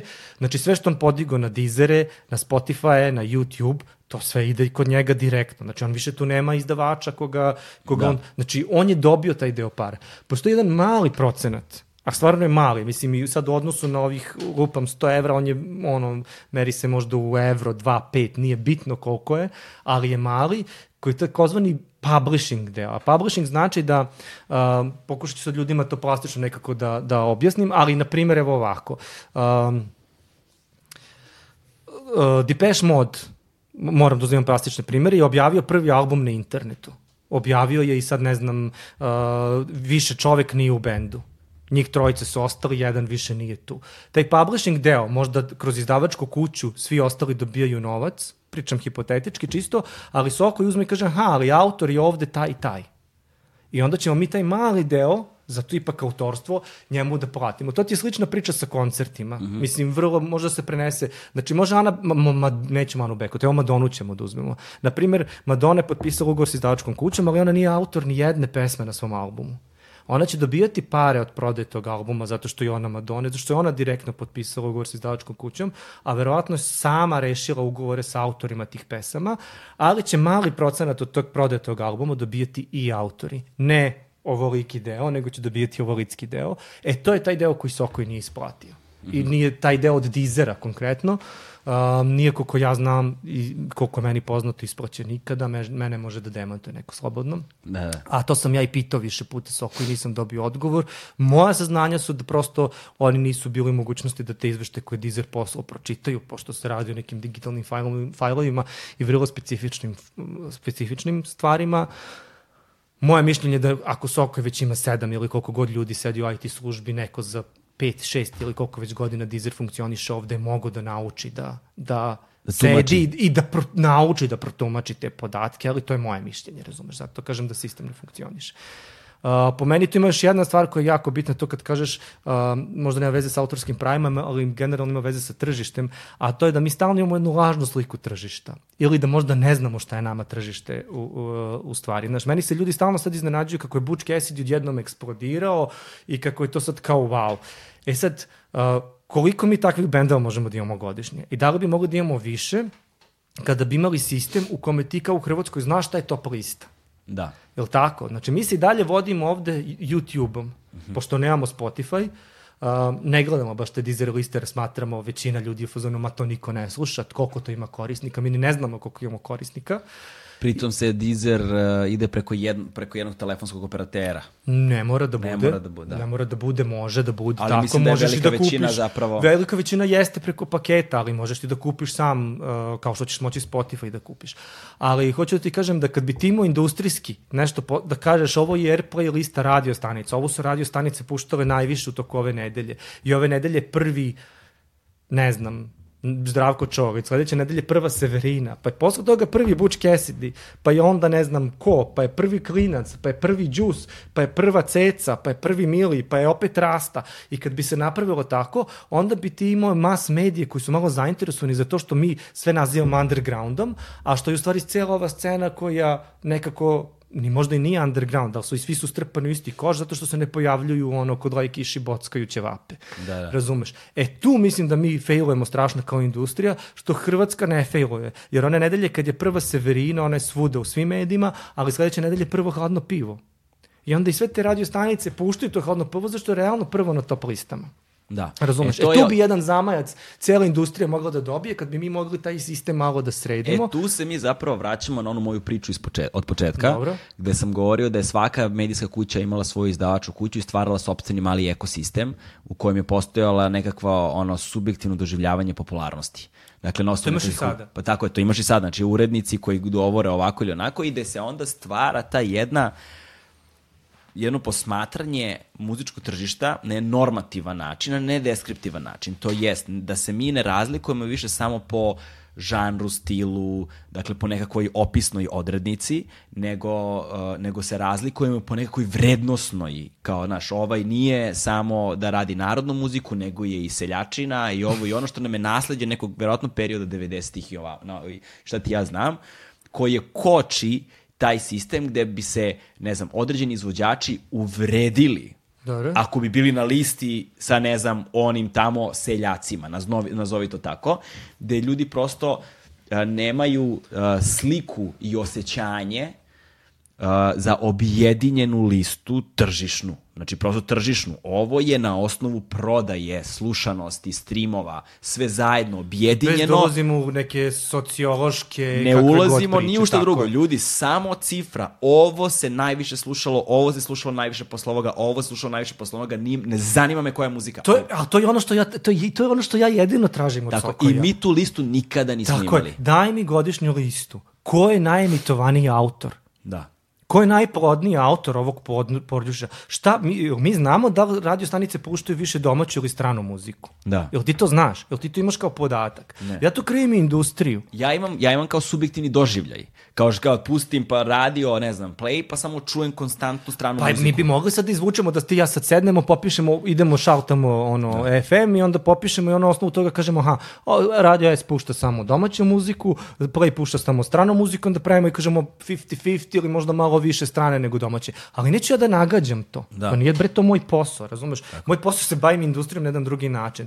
To je posao organizacije i oni zato uzimaju 20 ili 30%. Od to, oni treba da vode priču. Mene sramota kad odem na konferencije, prvo što su ljudi u fazonu šta je s Balkanom godinama nema nikog, nas nema nigde mislim, sem par entuzijasta budala, ono koji uglavnom idu plaćaju sami putevi, tako ono, idu po konferencijama. Nas nema nigde, a Soko i nigde nisam video. Da. Na ozbiljnim konferencijama gde su svi publisheri, sve svetske organizacije, Makedonce viđam. Da. Hrvate isto tako povremeno, nema ni njih puno. A mi moramo, ako hoćemo, menjamo, znaš, isto pitao me kolega pre par godina kao, šta je sa Spotify? Otkud, brate, ja znam? Mislim, ja bi isto volao da taj Spotify dođe kao i ti, pošto bi to promenilo, promenilo industriju za sve nas. Ali mi smo, ja smo, mislim, inicirali, posle se napravi jedno regionalno udruženje izdavača, koje upravo počelo da gura te stvari. I ja nemam iluziju da će, da će to zbog nas da se desi, da će neko u Švedskoj da kaže, e sad Spotify se dešava. Ne, ali uh, ideja da ti samo malo čačneš nešto, da ti pokažeš neku inicijativu, da te neki ljudi upoznaju, da znaju da postoje neki kontakti u Srbiji koji mogu da pitaju ako imaju problem sa ovim, sa onim, da se pokaže inicijativa sa naše strane. Kažu, pa da, vidiš, Balkan nešto traži, kao možda će malo da, da i njih pritisne da se taj Spotify ili neki drugi servis desi. Evo, desio se YouTube Music. Desio se YouTube Music, ali niko nije na to uticao. Mislim, uh, to se dešava zato što YouTube u određenoj panici da otvara nova tržišta. Oni su sad svi u trci Spotify, Apple, ko će imati više pretplatnika, ko će doći na nova tržišta i tako dalje. To je jedna sad već ono druga igra. Znaš, tako da generalno mislim da organizacije mora da nam daju odgovore. I ono što hoću da kažem, šta je, šta je, šta je posledica katastrofalni ono fallout, dakle posledica uh, ovakvog jednog neuređenog sistema kada govorimo o top listama. Jedna najobičnija, jedna najbanalnija stvar, na izgled, mm -hmm. samo banalna stvar, kao što je top lista. Ona zapravo formira tu vertikalu, ta razumemo popularnu vertikalu, pop vertikalu mm -hmm. formira, koja je, bi trebalo da je kičma, stub, oslovnac formiranja celokupne jedne kulturne zajednice. Zato što na osnovu popularne muzike mi uh, određujemo šta je alternativna muzika. Jer alternativna mora bude alternativna u odnosu na nešto.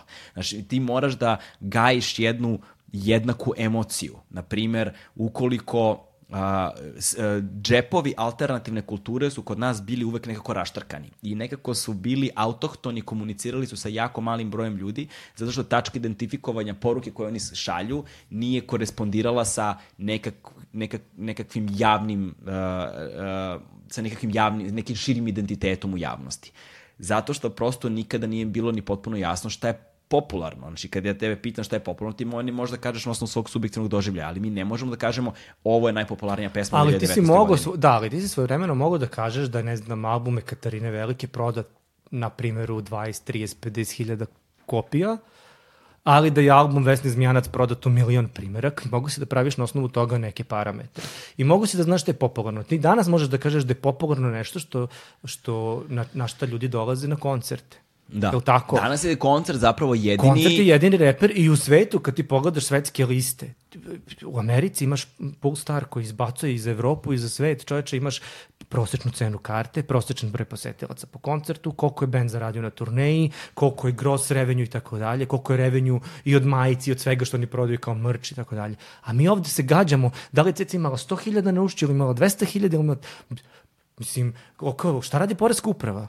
Da. Razumeš, kao, ej, ljudi, CC je platila porez na 50.000 karata, Karvajuš je platila porez na 10.000 karata. Ako je bilo preko toga, ili je neko lago, ili je neko poreskom prekršaju. Da, da. da li me razumeš? Znači, da. mi se i dalje igramo u industrije. Zato ti kažem, to. mi sve radimo radi nekog lažnog PR-a. To. I, onda I se ti zapravo... YouTube pregledi su nam lažni PR, jer tebe zove Žika iz, ne znam, klubu u Frankfurtu i kaže imaš 5 miliona, hoće da mi sviraš u klubu. Ali to što ne mogu prodam dve karte u Frankfurtu, to nema veze. Ali on vidio da ti imaš nekih 5 miliona pregleda. I to svoje pumpanje i ceo taj će prestati onog trenutka kad se nama otvore servisi I kad tebi Spotify ili makar jedan se postavi kao normativ, da ćeš ti znati, Spotify će vrlo rado objaviti da li ima 50 ili 100 hiljada korisnika.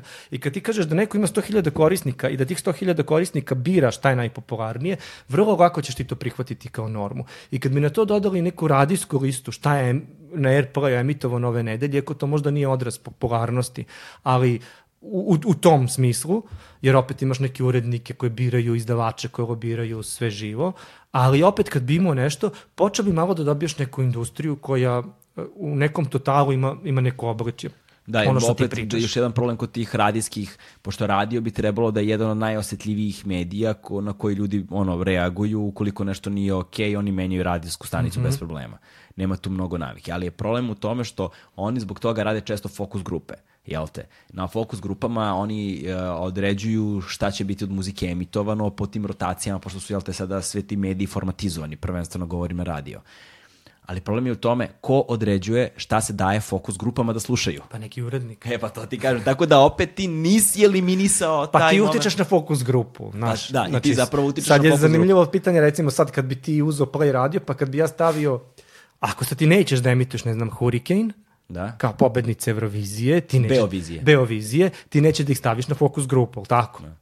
I one ti neće biti tu. Ako bih stavio, bilo bi zanimljivo da čuješ nije bitno da li je Play, da li je da li je bilo kod drugi. Znaš, ja znam da godinama neki moji bendovi nisu mogli da uđu na fokus grupe, čak i ako su, ne znam, ničim izazvan. Da. A, smo, čak sam pitao na jednoj konferenciji vlasnicu radija, znači, i mislim da je čak neki odgovor bio, pa tipa kad DS bude počeo da vas pušta, počet će vas pušta ovaj, a ovaj kad vas bude počeo pušta, onda će vas puštati svi. To šta je starije kokoške Ali to je ono isto fazon sa top listom. Ako neko vidi na top listi, onda prvi radio kaže, pa dobro, ja ću da to emitujem, zato što vidiš da to slušaju, otkud on zna ko je kako napravio top listu. Aha, ako to sluša, ako to u top 10 ili u top 20, pa emitovat ću ja, pa ću da probam. Pa što bi se možda malo promešale karte. Možda imam lažne iluzije oko toga, ali to je nekako, znaš, ne mislim da će se desiti ono što ti misliš da će se desiti, to mirenje scene u smislu da smo mi sad svi jedna pop ili kako god scena, a, a mislim da smo mi trajno nekako u problemu, a tome smo ti ja pričali malo i onom u dokumentarcu da, da. o trepu,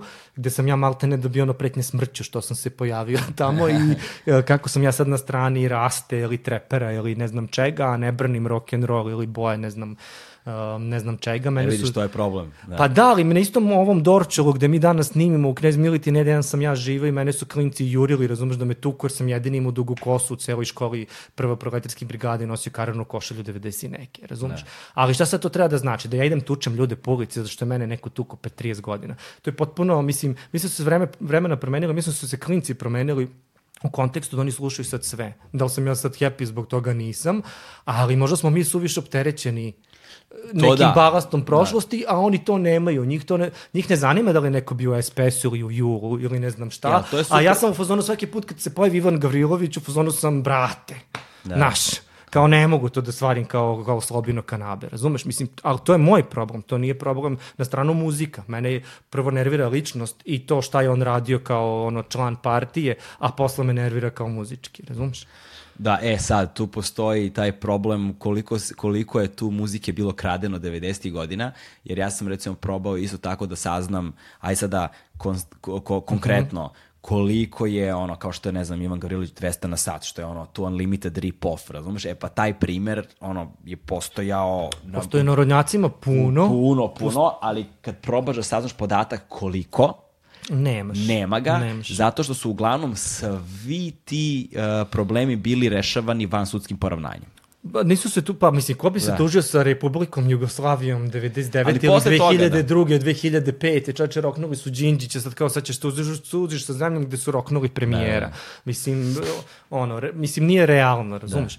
Da. Uh, mislim da je tu... Ali recimo... Zbu, zbu... Bili su publisheri koji su to radili i tražili su poravnjanja. Mislim da je glavni problem Uh, nije čak više ni bio da li, da li neko otkupio tu pesmu, obradu ili nije, nego generalno što su se ljudi upisivali kao autori takvih stvari. Mislim da, da to veći problem da ti odeš i sebe upišeš kao autora lupam 200 na sat. Ne znam da, da li je to urađeno ili nije, pričam da me sad neko ne tuži, nego pričam bez veze. Imao si da. Jaco Luka sa one pesme, pa imao si osvajače, znaš da je bila isto ona frka sa vino crvenim, da. pa se to ispostavilo da neka grčka, ne znam da li je to u Maksoviziji ili gde je to bilo da je čovjek pustio kao, e ne ne, kao ne smo ukrali, nismo, je kao, evo sad puštam ovo, pa kao, Na, imaš i danas gomile pesama. Grčka i Turska se masovno krala. Grčka se masovno krala, da, jer kao to je tak, tad moglo. Nisam siguran da su ti svi uh, slučajevi ni dan danas rešeni, mislim da su gomila, gomila ljudi odustala više od toga, ali generalno imaš, mislim, uh, problem to autorstva u muzici je jedna već druga priča i to kao da li sve liči na nešto poznato svi krademo sve ili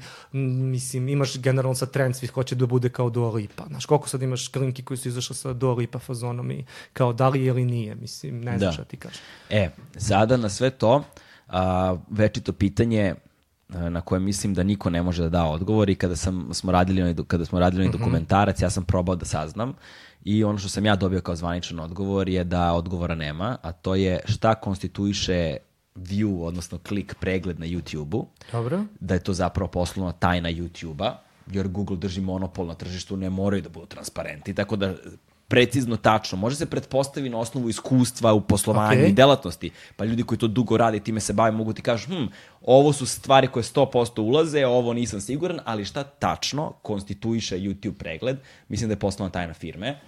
To je prva stvar. I druga stvar, koji su parametri na osnovu kojih se određuje šta ulazi u trending ili ne, ne ulazi u trending. To niko ne zna. To ne znaju nove marketičke agencije da ti kaže, to niko ne zna, zato što ti, ako tebi, ti uđeš u trending, ili Kesić uđe u trending, a ima manje viewova od nekog koji je izbacio single taj dan, ti, ne znam, imaš 30.000 pregleda za dan, a on ima sa nekim spotom 2 miliona, ti si u trendingu, on nije.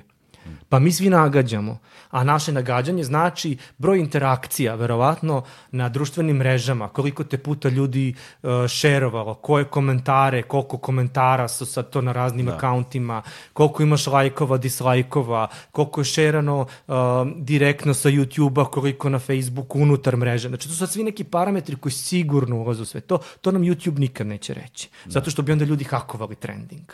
I ne zato što je to poslovna tajna, nego zato što bi se idioti bavili hakovanjem reagovanjem toga. Jer da. kao prvi sam na trendingu. Ok, napravi koncert si prvi po prodaj karata. Nisi. Mi, zato ti kažem, užasno me nervira ta lažna slika. Ti imaš ljudi koji ovdje imaju po 30-40 godina karijere. Neki su se pojavili na Beoviziji pre neko veče, koji čovječe ne mogu jedan koncert da naprave u Beogradu. Tipa za 30 godina karijere imala je žena jedan koncert u Beogradu. Koga boli uvor? Znači ti mi nisi nikakav reper, onda industrijski što si prva na treningu ili što imaš 10 miliona pregleda. Ti ne možeš da prodaš karte. Po meni je to dokaz popularnosti. To je ona priča kao Van Gogh je podelio arenu.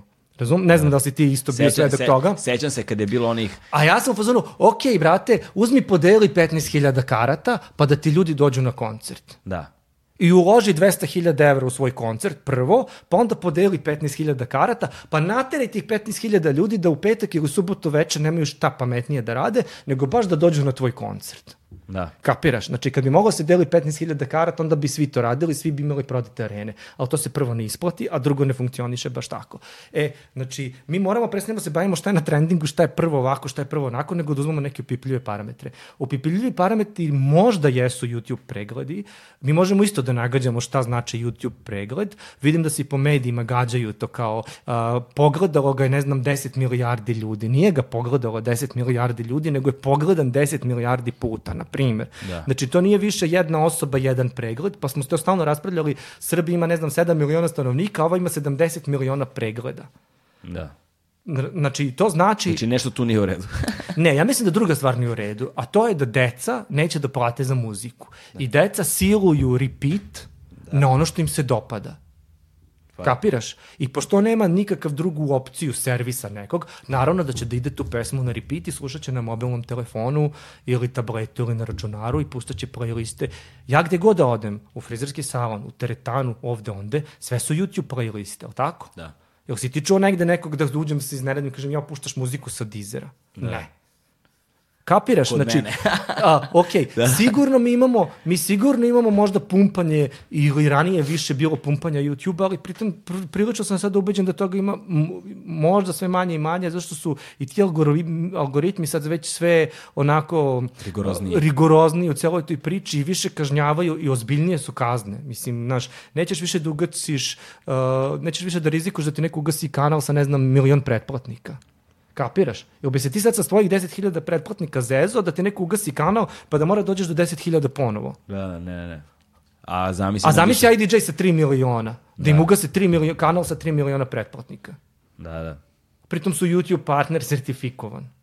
Ili to onda rade u dosluhu sa YouTube-om, ili to ne rade uopšte. Kapiraš? Znači, Pre, ti se... pre će biti da ne rade uopšte. A pa ne, razumeš, jer ti nećeš da svoj core biznis ugroziš, bukvalno, time što ćeš da ugroziš ono što ti jedino radiš, od čega praviš najviše para. Po meni to nekako nema logike. Znam da se ljudi frljaju sa ciframa, sa brojevima, znam da je bilo svakakvih priča, ova je sigurno bilo kupovine pregleda, Volo bi da neke preglede vidim, u smislu da vidim ono kao view-ovi iz koje zemlje su, Možda bi ne. bilo dobro kad bi imali neki sertifikat prodaje, pa i za taj digital, pa da kažeš, ok, 5 miliona pregleda vredi toliko, ali mi dostaviš pa da ja verifikujem da li tih 5 miliona pregleda iz Srbije ili je iz Bangladeša.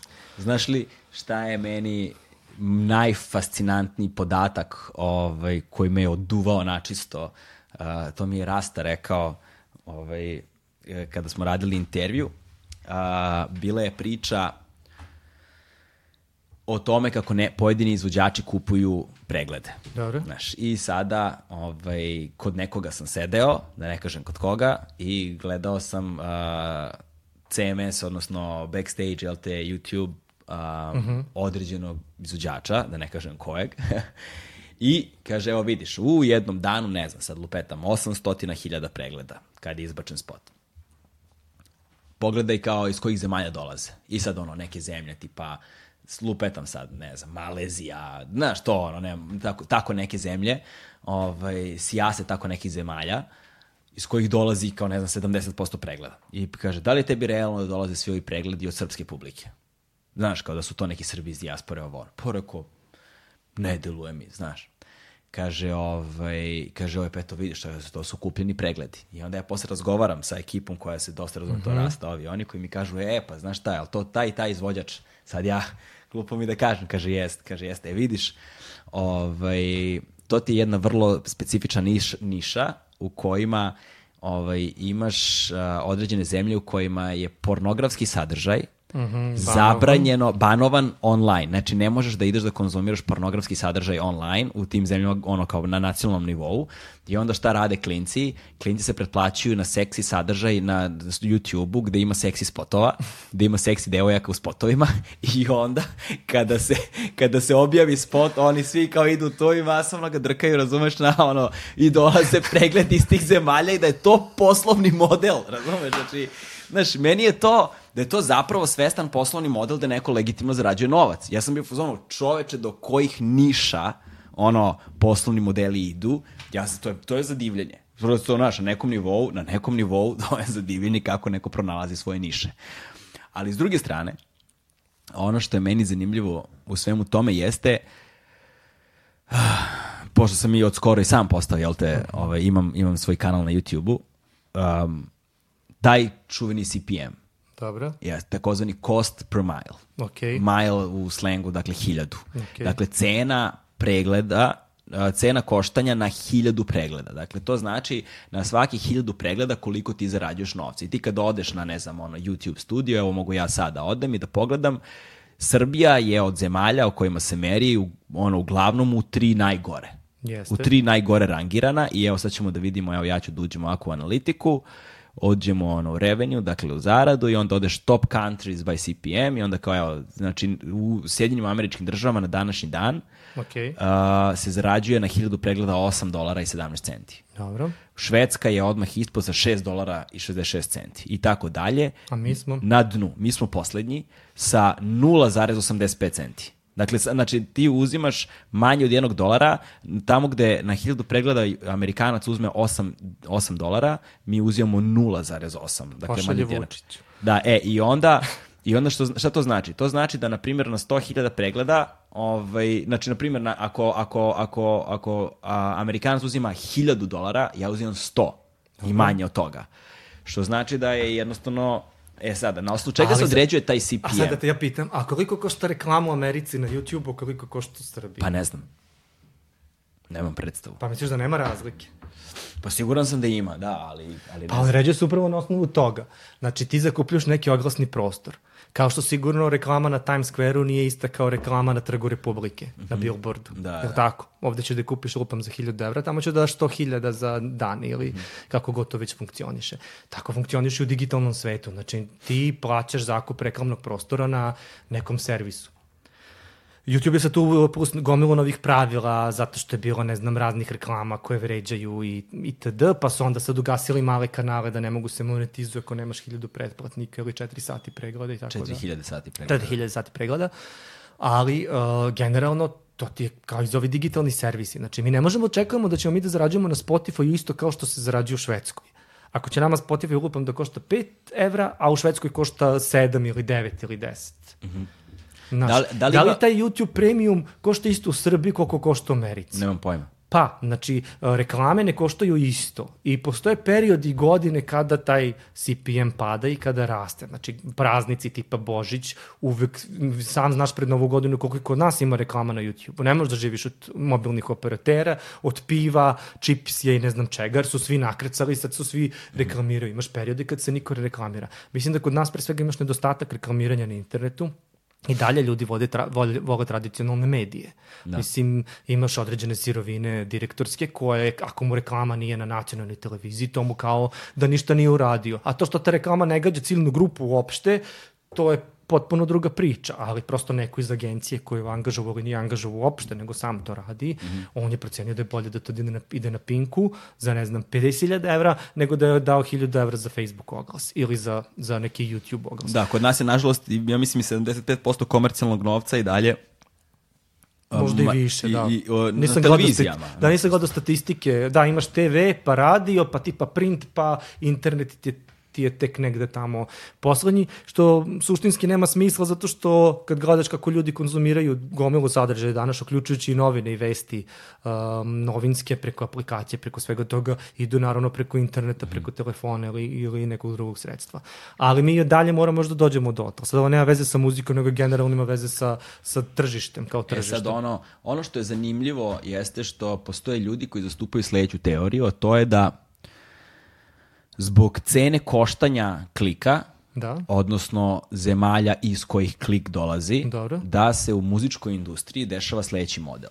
A to je da naši izvođači kreiraju muziku tako da se ona dopadne dijaspori, Dobro. zato što uh, klik iz Nemačke, Švedske, Austrije, Švajcarske je mnogo skuplji i onda će na taj način zarade više love.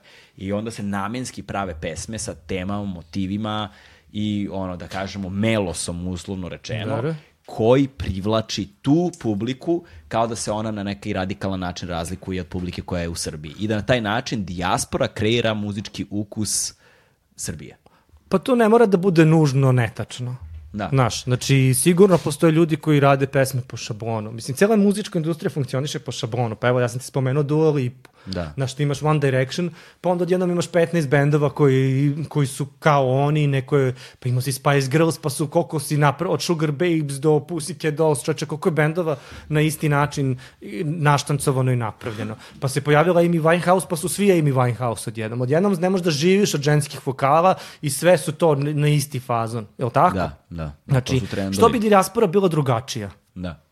Ali mislim, ako neko našao svoju nišu, pa mislim, ako ovaj našao kako će da drkaju u Maleziji, razumeš ne. što ovaj ne bi našao ovo da su ovi klinci tamo lože na neke, a sigurno se lože na Srbiju 90-ih i na rokanje i na skupe automobile i tako dalje. Mislim, šteta što nisu živjeli ovde pa se ne bi ložili na to. Da. Ali kao, ja ne vidim u to, mislim, razumem biznis model, ne vidim u tome ništa nelegitimno i ništa da. ono loše. Sigurno se taj ukus dijaspore preliva i na ovde, ali s druge strane, meni bi više to smetalo da to u ovde uopšte nije popularno, popularno je samo u dijaspori. Da. A u dijaspori su ti naravno i koncerti mnogo veći, jel tako? I koncerti koštaju mnogo više, pričamo o hiljadama evra, ne pričamo, a ti kad radiš koncert u Srbiji, da možda prodaš kartu od 20 evra, lupam u babušnici. Da, ne možeš. Pa ne možeš. Ne možeš, ne možeš ni od 200 dinara. Znaš, ja znam bendove mogu... koji sviraju u Beogradu za 1000 i po dinara iz ove naše alternativne priče, a u petak, a u subotu u Pančevu sviraju za 200. Da. Naš. Tako da ljudi su našli biznis model u dijaspori i to je sad kao njihov biznis model legitiman. Bez obzira na, na sad muziku. Na, I tu je sad ono gde dolazimo do, do nije tu, dakle, ono što je poenta možda ove priče jeste da ne treba apsolutno njih osuđivati. Ljudi idu trbuhom za kruhom, zarađuju svoj novac, znači legitimno hoće da prave muziku, da žive od svoje muzike, to je potpuno legitimno. Ono što je što to pokazuje Dobre. jeste da s druge strane jedino uređenje, tržišno uređenje a, naše muzičke industrije ovde bi moglo da pomogne našoj muzičkoj industriji. Prvo da skoči da prvo da počne taj novac pravilnije da se raspoređuje, da se, da se uveže taj digitalni i onaj tradicionalni, na, ono, i, tra, i tradicionalni sistem funkcionisanja, da sve postane transparentno, da se objedini nekako ta popularna kultura da bude kao na jednom mestu, tra, potpuno jasna i da kroz to oni ostali uh, uh, ostali segmenti muzičkog poslovanja koji nisu kreiranje muzike i organizovanje koncerata, nego i drugi, ono, od muzičkog novinarstva do, ne znam, PR-a, uh, stylinga i tako dalje, počinju svi da funkcionišu na neki način, da se zavrti nekakva lova da bi onda i cena koštanja tih reklama i svega skočila prosto da bi se Srbija bolje kotirala tržišno na samom internetu, gde bi onda i taj glas ljudi koji se nalaze ovde dobio na vrednosti da onda, tu je industrija kriva. Tu je industrija. Pa to, to, to je ono što sam, nisam vratno skočila mi misle kad sam počeo pričamo o festivalima i konferencijama i tako dalje. Mi kao industrija nismo prisutni. I ja kad odem na konferenciju, ja nemam, te, meni, te, ljudi te pitaju egzaktne podatke. Mm -hmm. Koliko vam vredi tržište? Koliko imate pretplatnika digitalnih, ovakvih i onakvih? Koliko prodajete diskova, album? Ne znam, brate. Ne prodajemo ništa. Da. Znači, mi smo shithole u odnosu na ostatak sveta. I tu industrija kriva, jer se mi dalje bavimo međusobnim čarkama i svađama, izdavačkim, ovakvim i onakvim i hejtujemo međusobno, umesto da kao industrija pokušamo da, da se dogovorimo makar oko osnovnih pravila. Ali ne možemo se dogovoriti oko osnovnih pravila kad se jedne noći dogovoriš oko nekih osnovnih pravila, a onda iza leđa svi ovi rade ovo i ono. I mislim, naš, živimo u Srbiji, pa znamo gde živimo i onda i kakvo nam je društvo, tako nam je izdavaštvo. Mislim, nije to ništa drugačije. U tom smislu, zato sam ja guro koju sam spomenuo tu organizaciju Rundu koja radi na nivou regiona sa podrškom stranaca da pokušamo da dobijemo makar te neke osnovne podatke kao koliko imamo izdavačkih kuća, koliko albuma mi izdemo godišnje. Da. Svih koliko ima snimljanja muzike, uh, jer kad dođu Spotify, onda će Spotify, bilo koji servis koji da dođe, kad celo, što ti kaže, počne pare da se vrte, bit će mnogo lakše, bit će drugačije i naravno da će svi u lancu, onda moćeš, ti ćeš moći lakše platiš PR-a ili stilistu i onda će, pre svega mora pratiš bez studio. Mislim, mora da ta pesma zvuči na nešto, ne možemo više radimo pesmu Fruity Loopsu da prodamo ih kao ono vrhunsku neku umetnost. Mislim, nema se zajebamo. Da. Znaš, znači, pogledaj kako nam zvuči Beovizija, pogledaj kako zvuči produkcija svetska. Ne, nema, ne može se porediti. Mi smo i dalje zaglavljeni u 82. godini mog rođenja.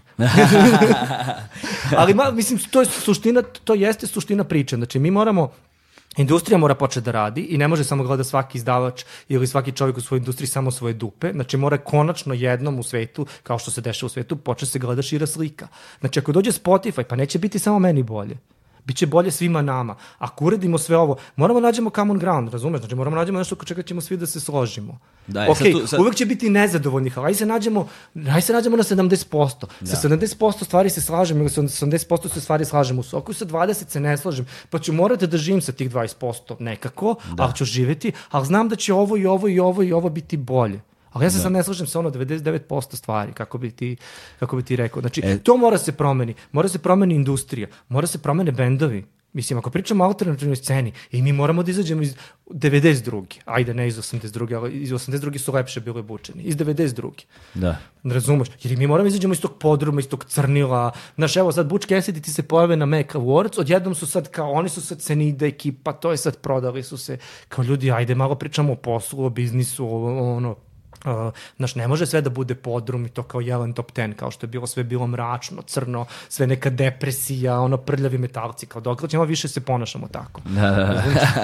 e sada, između ostalog, uh, ta, ta neuređenost uh, tržišna, s jedne strane, industrijska, uh, koja utiče naravno na cenu koštanja svega, a s druge strane i socioekonomski faktori platežne moći građana, gde uh, ljudi ne razumeju da ako te 50 evra košta karta za Exit festival, Dobre. četiri dana, da je to sumanuti, sumanuta privilegija i sumanuti luksus da ti te izvođače vidiš za taj novac. Ti da odeš bilo gde, ono... Ali nije, zašto nisu bukirali i ovog? Vidiš kako je ovaj festival bolji. Brate, vidi Siget šta je bukirao za, za, za mislim, dolaz...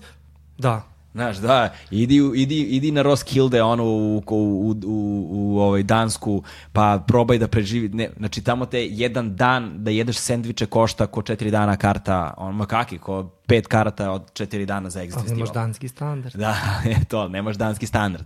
Tako da, poređenje zašto određeni izvođači dolaze ovde, a tamo ne, ovde ne dolaze, a dolaze svuda u svetu, između ostalog je zbog toga što mi sada, ne znam, a, sa, kim, e, sa kime sam pričao, gde su recimo pregovarali a, dolazak a, vikenda u Beograd.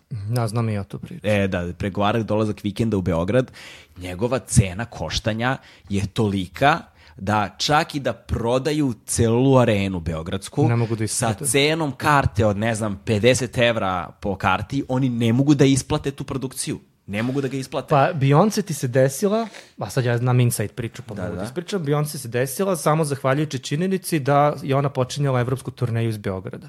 Pa je ona kao gratis faktički dobila tih pet ili koliko god je dana bilo u areni da, da je vežbala otvaranje turneje, otvorila turneju u Beogradu pa nastavila dalje. I sad ta arena košta, lupam, 30.000 evra dnevno i onda puta 5 dana, to arena po rečima tadašnjeg direktora arene, ne može da ima a, koncert koji se isplati od preko pola miliona dolara. Ne, ne može. fizički. Rijana košta 800.000.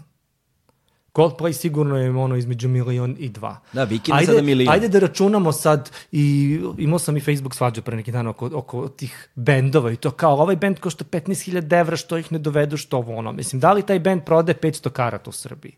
Po 30 evra. Jer znaš, to nije samo honorar benda, ti tu imaš i troškove sale, ozvučenja, gde će taj bend da jede, gde će da spava, uh, obezbeđenja, mislim, nije lako organizovati koncert. Ne da branim Exit. Cena karta Exit od 50 evra zato što su uveliko i potpomognuti državom i nekim drugim fondovima finansiranja, što je sve okej, okay. za mene to potpuno u redu. Da li se ja uvijek slažem sa line-upom Exita? Ne slažem se, ali šta, ja mogu da očekujem da će Exit dovede Pearl Jam za milion evra kad je festival, lupan budžet celog festivala 4 miliona, pa neće, razumeš? Da li će taj Pearl Jam da ima 50.000 ljudi? Mislim, zašto se Bon Jovi nije desio u Srbiji? Možemo mi da garantujemo 50.000 ljudi koji će platiti kartu bar 25-30 evra. A s druge strane smo crna tržišna rupa što se tiče piraterije. A s druge Niko strane, ne mi u pravima ne postojimo. Mene živo zanima koliko je Sokoj platio nekoj američkoj kolektivnoj organizaciji i onda neko tamo vidio i kaže, vidi od Srbije sam zaradio 5000 evra. Kapiraš? Znači, mi ne možemo da platimo, naš glavni problem trenutno, ne postoji prepreka. Mislim da ljudi treba malo te barijere. Ti možda dođeš danas do svakoga.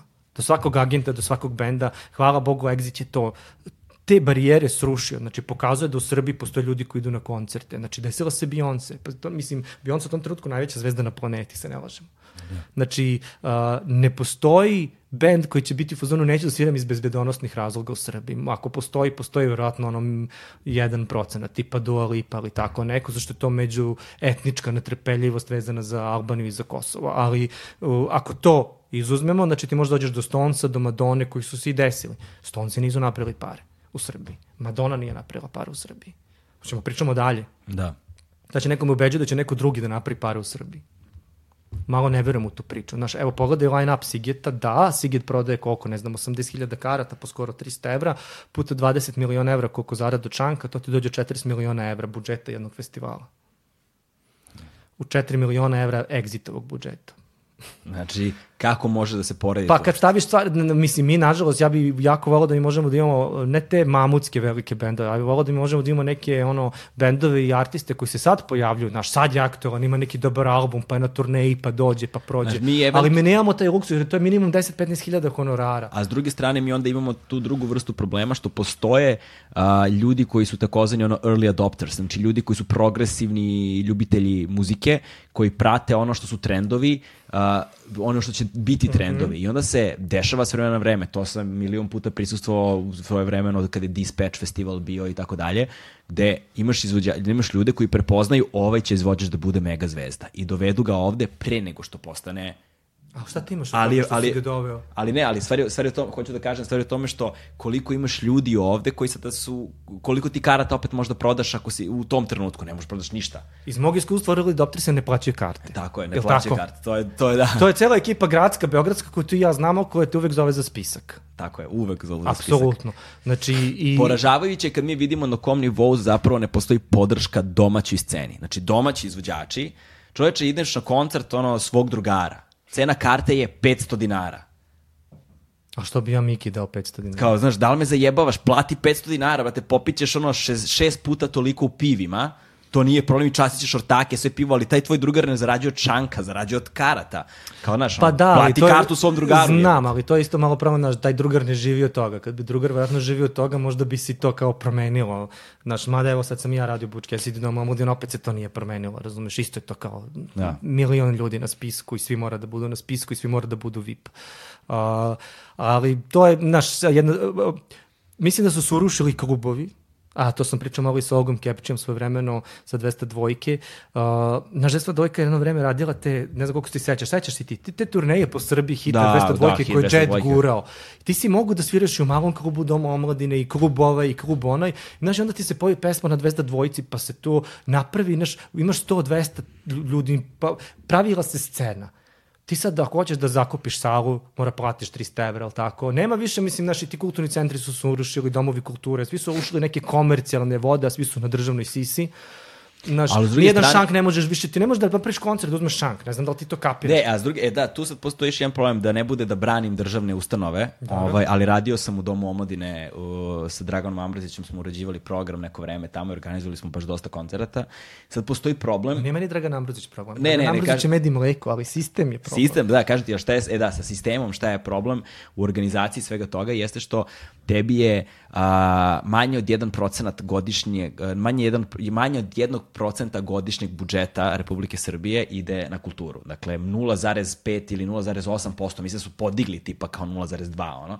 0,8% budžeta godišnje se odvaja za kulturu ukupno što dakle nije dovoljno novca ni da se pokriju samo tekući troškovi ono komunalije, znaš, za struju, vodu i tako dalje. Pa, I sada ti imaš situaciju u kojoj a, pritom po statutu recimo Doma omladine, a, kao neka kulturno-obrazovna ustanova, on se zapravo podvodi pod istim statutom kao recimo škole. I sada ti zbog toga ne možeš da prodaješ alkoholna pića, ne možeš da držiš alkohol. A ko onda da- prodaje alkohol Pa oni moraju da daju neki zakup, recimo nekim privatnim licima, e sad, e, način na koji to funkcioniše, to već ne znam, ali sad kao naš neka privatna lica moraju to da drže, i sad Dom omladine uzima samo lovo od zakupa, sve ostalo oni, znaš, ne diraju. Opet se sistemski ne bavimo Sistem- kulturom. tako je, tako je, tako da. Znači, tako opet je. se ne bavimo šansima mladim ljudima. Iako Dom omladine ima i koncerte na zidiću, ima neke druge programe i tako dalje. Ne pričamo o Domu omladine kao domu, sad ne pričamo o Domu omladine bude, da smo, da, ali... ge- To što je jedina živa ustanova, ostalo je se pocrkalo. Pa evo sa KCR Ahmetović, Da, da. šta, koliko mu dajemo? Pet godina, šest godina. Mislim, a, nije to poenta. Poenta da, to što ti kažeš, malo se izdvaja za kulturu i to kad se izdvaja kod naš koncert na trgu gde ti dovedeš ne znam koga je ku- kultura, mislim to nije kultura. Kultura podrazumeva neke druge stvari. Malo imaš takvih kulturnih centara u jako su lošim uslovima ili domo, domova omladine ili a, generalno takvih institucija i sve ih je manje. A i ovi klubovi neki koji postoje ili se jedva bore za opstanak ili ni uslovi u njima baš nisu uvijek a, spektakularni i ne možda ni dočekuješ da, a šta, mislim, š- ako bendovi neki veći nemaju gde da sviraju, gde će sviraju klinci koji tek treba da počnu. Da. U tome je cijela poenta, jer ti, znaš, faktički imaš, ja o tome pričam 10 godina, već sam dosadio ljudima, ako je tebi Darkwood Dub i dalje alternativa, posle koliko, 20 i kusur godina karijere, šta je bend koji je tek ono izbacio prvi album? Da, U kom su oni, koji, mislim, a oni su nebo i zemlja. da. Razumeš? A s druge strane postoji taj problem, kao što, znaš, ono, e, koliko je jaka srednja klasa u bilo kojoj zemlji, toliko Da. ti je jaka zemlja. Srednja klasa ti je ono, negde kičma, stub, oslonac jedne, jedne, jedne, jedne nacije, znaš, to su ljudi koji završavaju sve fakultete, rade sve poslove, plaćaju sve poreze, dakle oni su ti ono sila osovina koja pokreće dinamiku jedne zemlje. Kod nas je ta srednja klasa u potpunosti urušena. I to je nešto stara priča odavno. Ali ono što je s druge strane isto tako, kada govorimo o kulturi, tebi bi trebalo da je da su izvođači tih srednjih veličina takođe bi trebalo da su užasno važan segment industrije muzičke. Dakle, ne mali underground klubovi 100, 200, 300, 500 karata, ono mali koncerti, ne ovi veliki stadioni, arene i tako dalje, nego gde su ti izvođači ono od 3 do 5 hiljada ono uh, karata. A gde ti je prostor E, to- za i 3 to do je to, i 5 to. hiljade E, to, karata? i gde je, i gde su, sad to sam teo da kažem, gde je prostori za izvođače srednjih veličina? Nema ih. Nema ni jedan skoro, znači Nema ne ih. znam. Nema ih. Znači, evo ti imaš problem sad ako ne radiš dom omladine, što ti je 600 karata Amerikana, sledeći ti je dom sindikata, je li tako? Odnosno Kombank dvorana. Bioskop u Domu omladine sad ima fiksne stolice, to je sala bila za 1200 ljudi, tu sad ni ne možeš da radiš koncerte jer se sedi. Mislim, možeš ako ćeš raditi sedeće koncerte. Dom sindikate, valjda 1600 ili 1800 mesta, nisam više ni siguran sad koliko imaju. Sledeći ti hala sportova koji ne mogu sad da se zbog sporta rade koncerti. Znači nemaš više dvoranu između 3 i 5 hiljada, ajde da kažemo da to bio A da pritom ispunjava najelementarnije tehničke uslove, da kažem. Nemaš tehničkih uslova, sve moraš da doneseš sam. Da. Znači, u domu omladine imaš tehničke uslove, u hali sportova ti mora da neseš i binu, i zvuk, i svetlo. U hali pionir niko koncerte godinama nije radio. U SKC-u ja stvarno ne znam šta ta institucija radi na SISI Ministarstva kulture ili, ne, oni su Ministarstvo prosvete. Ne. Stvarno ne znam šta, šta oni rade. Oni su čak i baštu SKC koje godina imamo kulturu odlaska na koncerte u baštu SKC ubili jer su oni na nekoj letnjoj pauzi tada kad radi bašta. Znači, to, ja, kad si bio na koncertu u SKC-u? Pa bio sam na repetitorom koncertu za 10 godina benda. Kad je to bilo? Jedan, jedan u koliko? Pa da, to je, ne, i to sam došao tamo, uh, ono, či, on, ne pamtim, pre toga... Ne pamtim. Pa ne pamtim, ne, pam, ne pamtim. A, platio, platio sam kartu. kartu. Platio sam kartu, 1000 dinara, kupio sam kartu i kupio sam majicu. Ovaj, A, nemaš, mislim, nemaš prostore, a na stranu sad priča da li imaš menadžere, da li imaš organizatore, ko se bavi ovim, da. to je tek jedna ono, ozbiljna priča. Poenta celog ovog razgovora na kraju dana je ono što, raca ko, koji ja vodim sa ljudima konstantno, dobra pesma nije dovoljna. Znaš, dobra pesma je važna, ali ljudi koji se bavite muzikom, ono, pravljenje pesme, kada je pesma gotova, to je ono 15% posla Znači imaš sada, znaš, ono, 85, 75, 85 procenata ono posla koji tek treba da se desi. Dakle, a, posebno u ovom ovakvom kakav je sistem nesređenom, užasno je važno da ljudi razumeju gde se nalaze, na, na kakvoj teritoriji i šta je sve to što moraju da urade, ne bili se našli u okolnostima takvim da mogu da žive od muzike koju rade. I ono, zbog ljudi kao što si ti, uh, uh, kao postoji taj, ta, to, to zrno nade kao svetla tačka da će se stvari promeniti. Internet nam je donao puno toga dobrog, zaista, jer je malo decentralizovao taj kulturni uticaj koji je postao nadnacionalni, nadjezički i klinci sada ono, listaju podjednako strano i domaće i imaju minimalne tržišne zahteve na osnovu onoga što slušaju preko, mm. koji se sada, zahvaljujući tehnološkoj dostupnosti, lakše uh, ovaj, postižu, zato što više ne moraš da rentaš, ne znam, koji studio, možeš da kupiš taj, on, ne znam, Drake Snare na aplikaciji za 15 centi, što je sve značajno olakšalo, ali dovelo do inflacije nekakvog sadržaja koji sada kontrolišu algoritmi, tako da i promocija, i PR, i vidljivost, i ovo i ono, u ton i tog zatrpavanja, isto značajno teža. Ali bez obzira, autentičnost postaje ono roba od neprocenjive vrednosti. Ali ti se boriš za mesto pod suncem, tako, tako? Znači tako ti sad ti si preplavljen, preplavljen informacijama.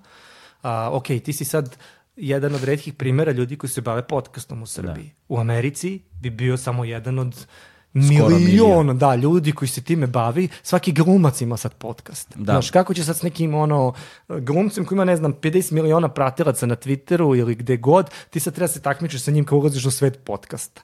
Da. E, tako ti u muzici, mislim, znaš, ti sad imaš gomilu bendova koji se time bave, neki su tu već po 20-30 godina, imaju neku bazu fanova i ne znam čega i ti treba sad da opstaneš i kako će tvoja pesma da se istakne u odnosu na neku drugu. Sad ja se ne slažem skroz tovom to da dobra pesma nije bitna, ja mislim da... Ne, ne, nije bitna, kaže nije dovoljna. Nije dovoljna, tako je, nije, nije dovoljna. dovoljna. Sve dobra je bitno. Je, dobra pesma je užasno važna, to je početna tačka, znači odatle počinjemo od proizvoda. Znači tako ti je. moraš da imaš dobru pesmu, to je ono Jer ti ne možeš od loše, ti koliko god da siluješ nešto, ako je to prosečno ili loše, to će da. možda malo da ga digneš iznad proseka. Do, kažem, dobra pesma je beskreno važna. Samo kada si napravio dobru pesmu, napravi Lyle, napravi Li dobru mm -hmm. pesmu, tvoj posao tu tek počinje. Znaš, zapravo tvoj posao, ono, to sam se, sećam se kad sam razgovarao da li sa Kojotom iz Iceburna ili tako nešto kad smo radili neku priču, ono, 20 godina od prvog albuma i onda kada sam razgovarao sa bivšim članovima benda, jedan od, jedna, jedna stvar koja je onako isplivala na površinu uh, koju su svi shvatili mnogo kasnije jeste da u trenutku kada su se nalazili na ivici da probiju na međunarodnu mhm. scenu mm -hmm. i je se desilo nešto što oni nisu prepoznali tada. A to je poslovni model.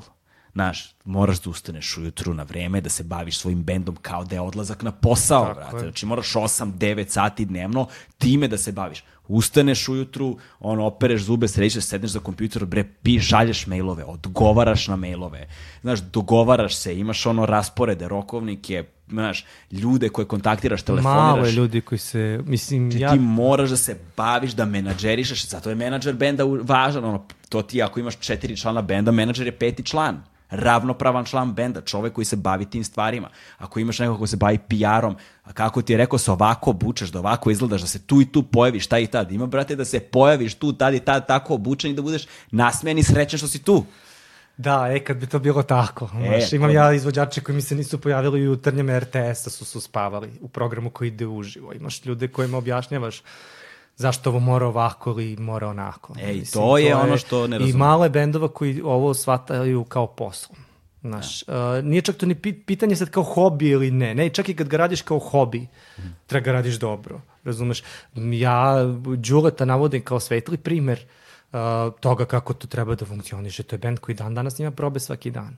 Da. Znaš, ako ne, a, čak da ostaviš menadžerski posao po strani, da kažeš da imaš nekoga ko će time da se bavi, a većina bendova nema, ti moraš da vežbaš, ti moraš da sviraš, ti moraš da stvaraš novu muziku, znaš, jer uh, ako ostaviš da muzičari rade ono što najbolje znaju, to da se bave muzikom, opet moraš da imaš neki tim koji će za tebe moći da servisira gomilu stran, stvari koje treba da se desi, desi sa strane. Znaš, to od kostima za koncert do opreme, do žica, do palica, do gomile nekih ono gluposti koji deluju kao gluposti u suštini su jako bitni i utiču na kraju dana na, na, Jer na sve finalni- te sitnice, kada na se dodaju proizvod. jedan na drugu, to izaziva taj efekat na kraju koji ti imaš.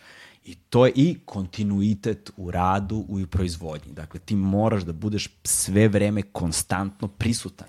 Da, to nije nešto novo, ti debi da onda sad pogledaš šta radi, šta radi svetska scena, na koliko na koji vremenski period izbacuju pesme ili singlovi ili albume i da shvatiš da tebe kad nema nekog trenutka u medijima ili kad te nema među publikom ti nestaješ. Znači ti tebi je jako teško više da praviš diskografske pauze od po 3, 5 ili koliko godina. Znači ti moraš stalno da budeš, da budeš prisutan. Možeš to da radiš kad si Pearl Jam, kad imaš armiju fanova od 90-ih, ali ako si novi bend, ono, ti moraš da budeš, ti juriš festivale, juriš festivalsko leto, zna se kad se svira, zna se kad se ide na turneju, zna se kad se izbacuje album. Znaš, i ti praviš planove unapred. Mislim, evo, mogu ljudi pogledati dokumentarac Taylor Swift, mogu da. pogledati gomilu dokumentaraca, znaš, to sve, ti onda skapiraš da je sve proračunato, da to što njem, njema godinu dana u javnosti, što se ne daje ni jedan intervju, da stoji neka PR armija, neki PR tim, koji je već, kapiram da već plan za novi album je tu. Znaš, onog truka kad si snimio ovaj, ti, si, ti već imaš plan za sledeći album, ali ne kao snimit ćemo ga, ne, nego imaš razređen plan šta sve treba da se desi i to prati nova turneja koja treba da se isproducira, se osmisli scenografija, svetlo, novi dokumentarac, novo. Tako funkcioniš industrija. Da. Ali Razumeš? ljudi to, ljudi to ne prate. Kad smo već kod toga, koji je sledeći plan sa Butch Cassidyjem? Da dođu ovde u podcast. Ar, arena. Ne, pa, mislim, ne znam, razni su planovi s Butch Cassidyjem, u suštini uh, puno se svira, to je ono, trenutno fokus, uh, jer se promoviše album i bendu se otvara region konačno i bit će dosta koncerta u Hrvatskoj i u Sloveniji, i u Bosni i u Srbiji i mislim malo je to sve teško, na sve to treba nekako sk- sklopiti i naći adekvatne prostore, jer bend više neće da svira u u bilo kakvom prostoru, pod bilo kakvim uslovima i ja to potpuno podržavam, mislim da su došli do nekog nivoa kad ono, neki minimum uslova tipa da postoji bina i, i, i tako on mora, nešto mora da se ispoštuje. Sigurno će biti novog materijala. O, oni dosta rade na sebi sami bez da im bilo ko šta govori i o, hoćemo da pravimo neki beogradski koncert. Mi smo radili u decembru dve Amerikane. Mogli smo treću, ja nisam baš bio za, za treći koncert i mislim da su dve mera za sada, a volili bi da radimo neki veći koncert, ali se onda opet vraćamo na na Gde? pitanje gde, tako je, e, tako da vidit ćemo. Mislim, to, plan je da se svira i svakako je plan da bude neki novi materijal u neko ono, dogledno vreme, bit će nekih novih spotova, bit će materijala sa turneje, to je to. Super. Hvala ti puno, Johnny, na Nema na čemu, razgovoru. valjda nismo ubili ljude u pojam. Ma, ne zanima me na kraju dana. ovaj, ovo su teme koje su važne, teme koje mene pre svega zanimaju i mislim da je važno da ih ljudi čuju i da ih ljudi razumeju i da barem negde ako ništa dobiju okvirnu sliku da je muzički biznis na kraju dana ipak biznis i da sve ove stvari, baš zbog toga što nisu jednostavne, što su komplikovane, govore o značaju toga da se one raščivijaju, da se razumeju i da se pre svega autori i ljudi koji sutra planiraju, planiraju ozbiljnije bave muzikom ovaj, upuste u njih i da ih savladaju, ne bili ono obezbedili sebi i svima nama sutra ono bolju budućnost u tržišnom smislu barem. Uh, Ovaj, hvala ti puno još jednom što si bio ovde. A, nastavit ćemo se družimo, mi smo završili i ne zaboravite ovaj, u, u, u opisu videa će, ovaj, ako ste u mogućnosti i ako ste dole, dobro raspoloženi, podržite nas na Patreonu, a ubacili smo jednokratne donacije preko Paypala. Hvala svima, vidimo se. Ćao.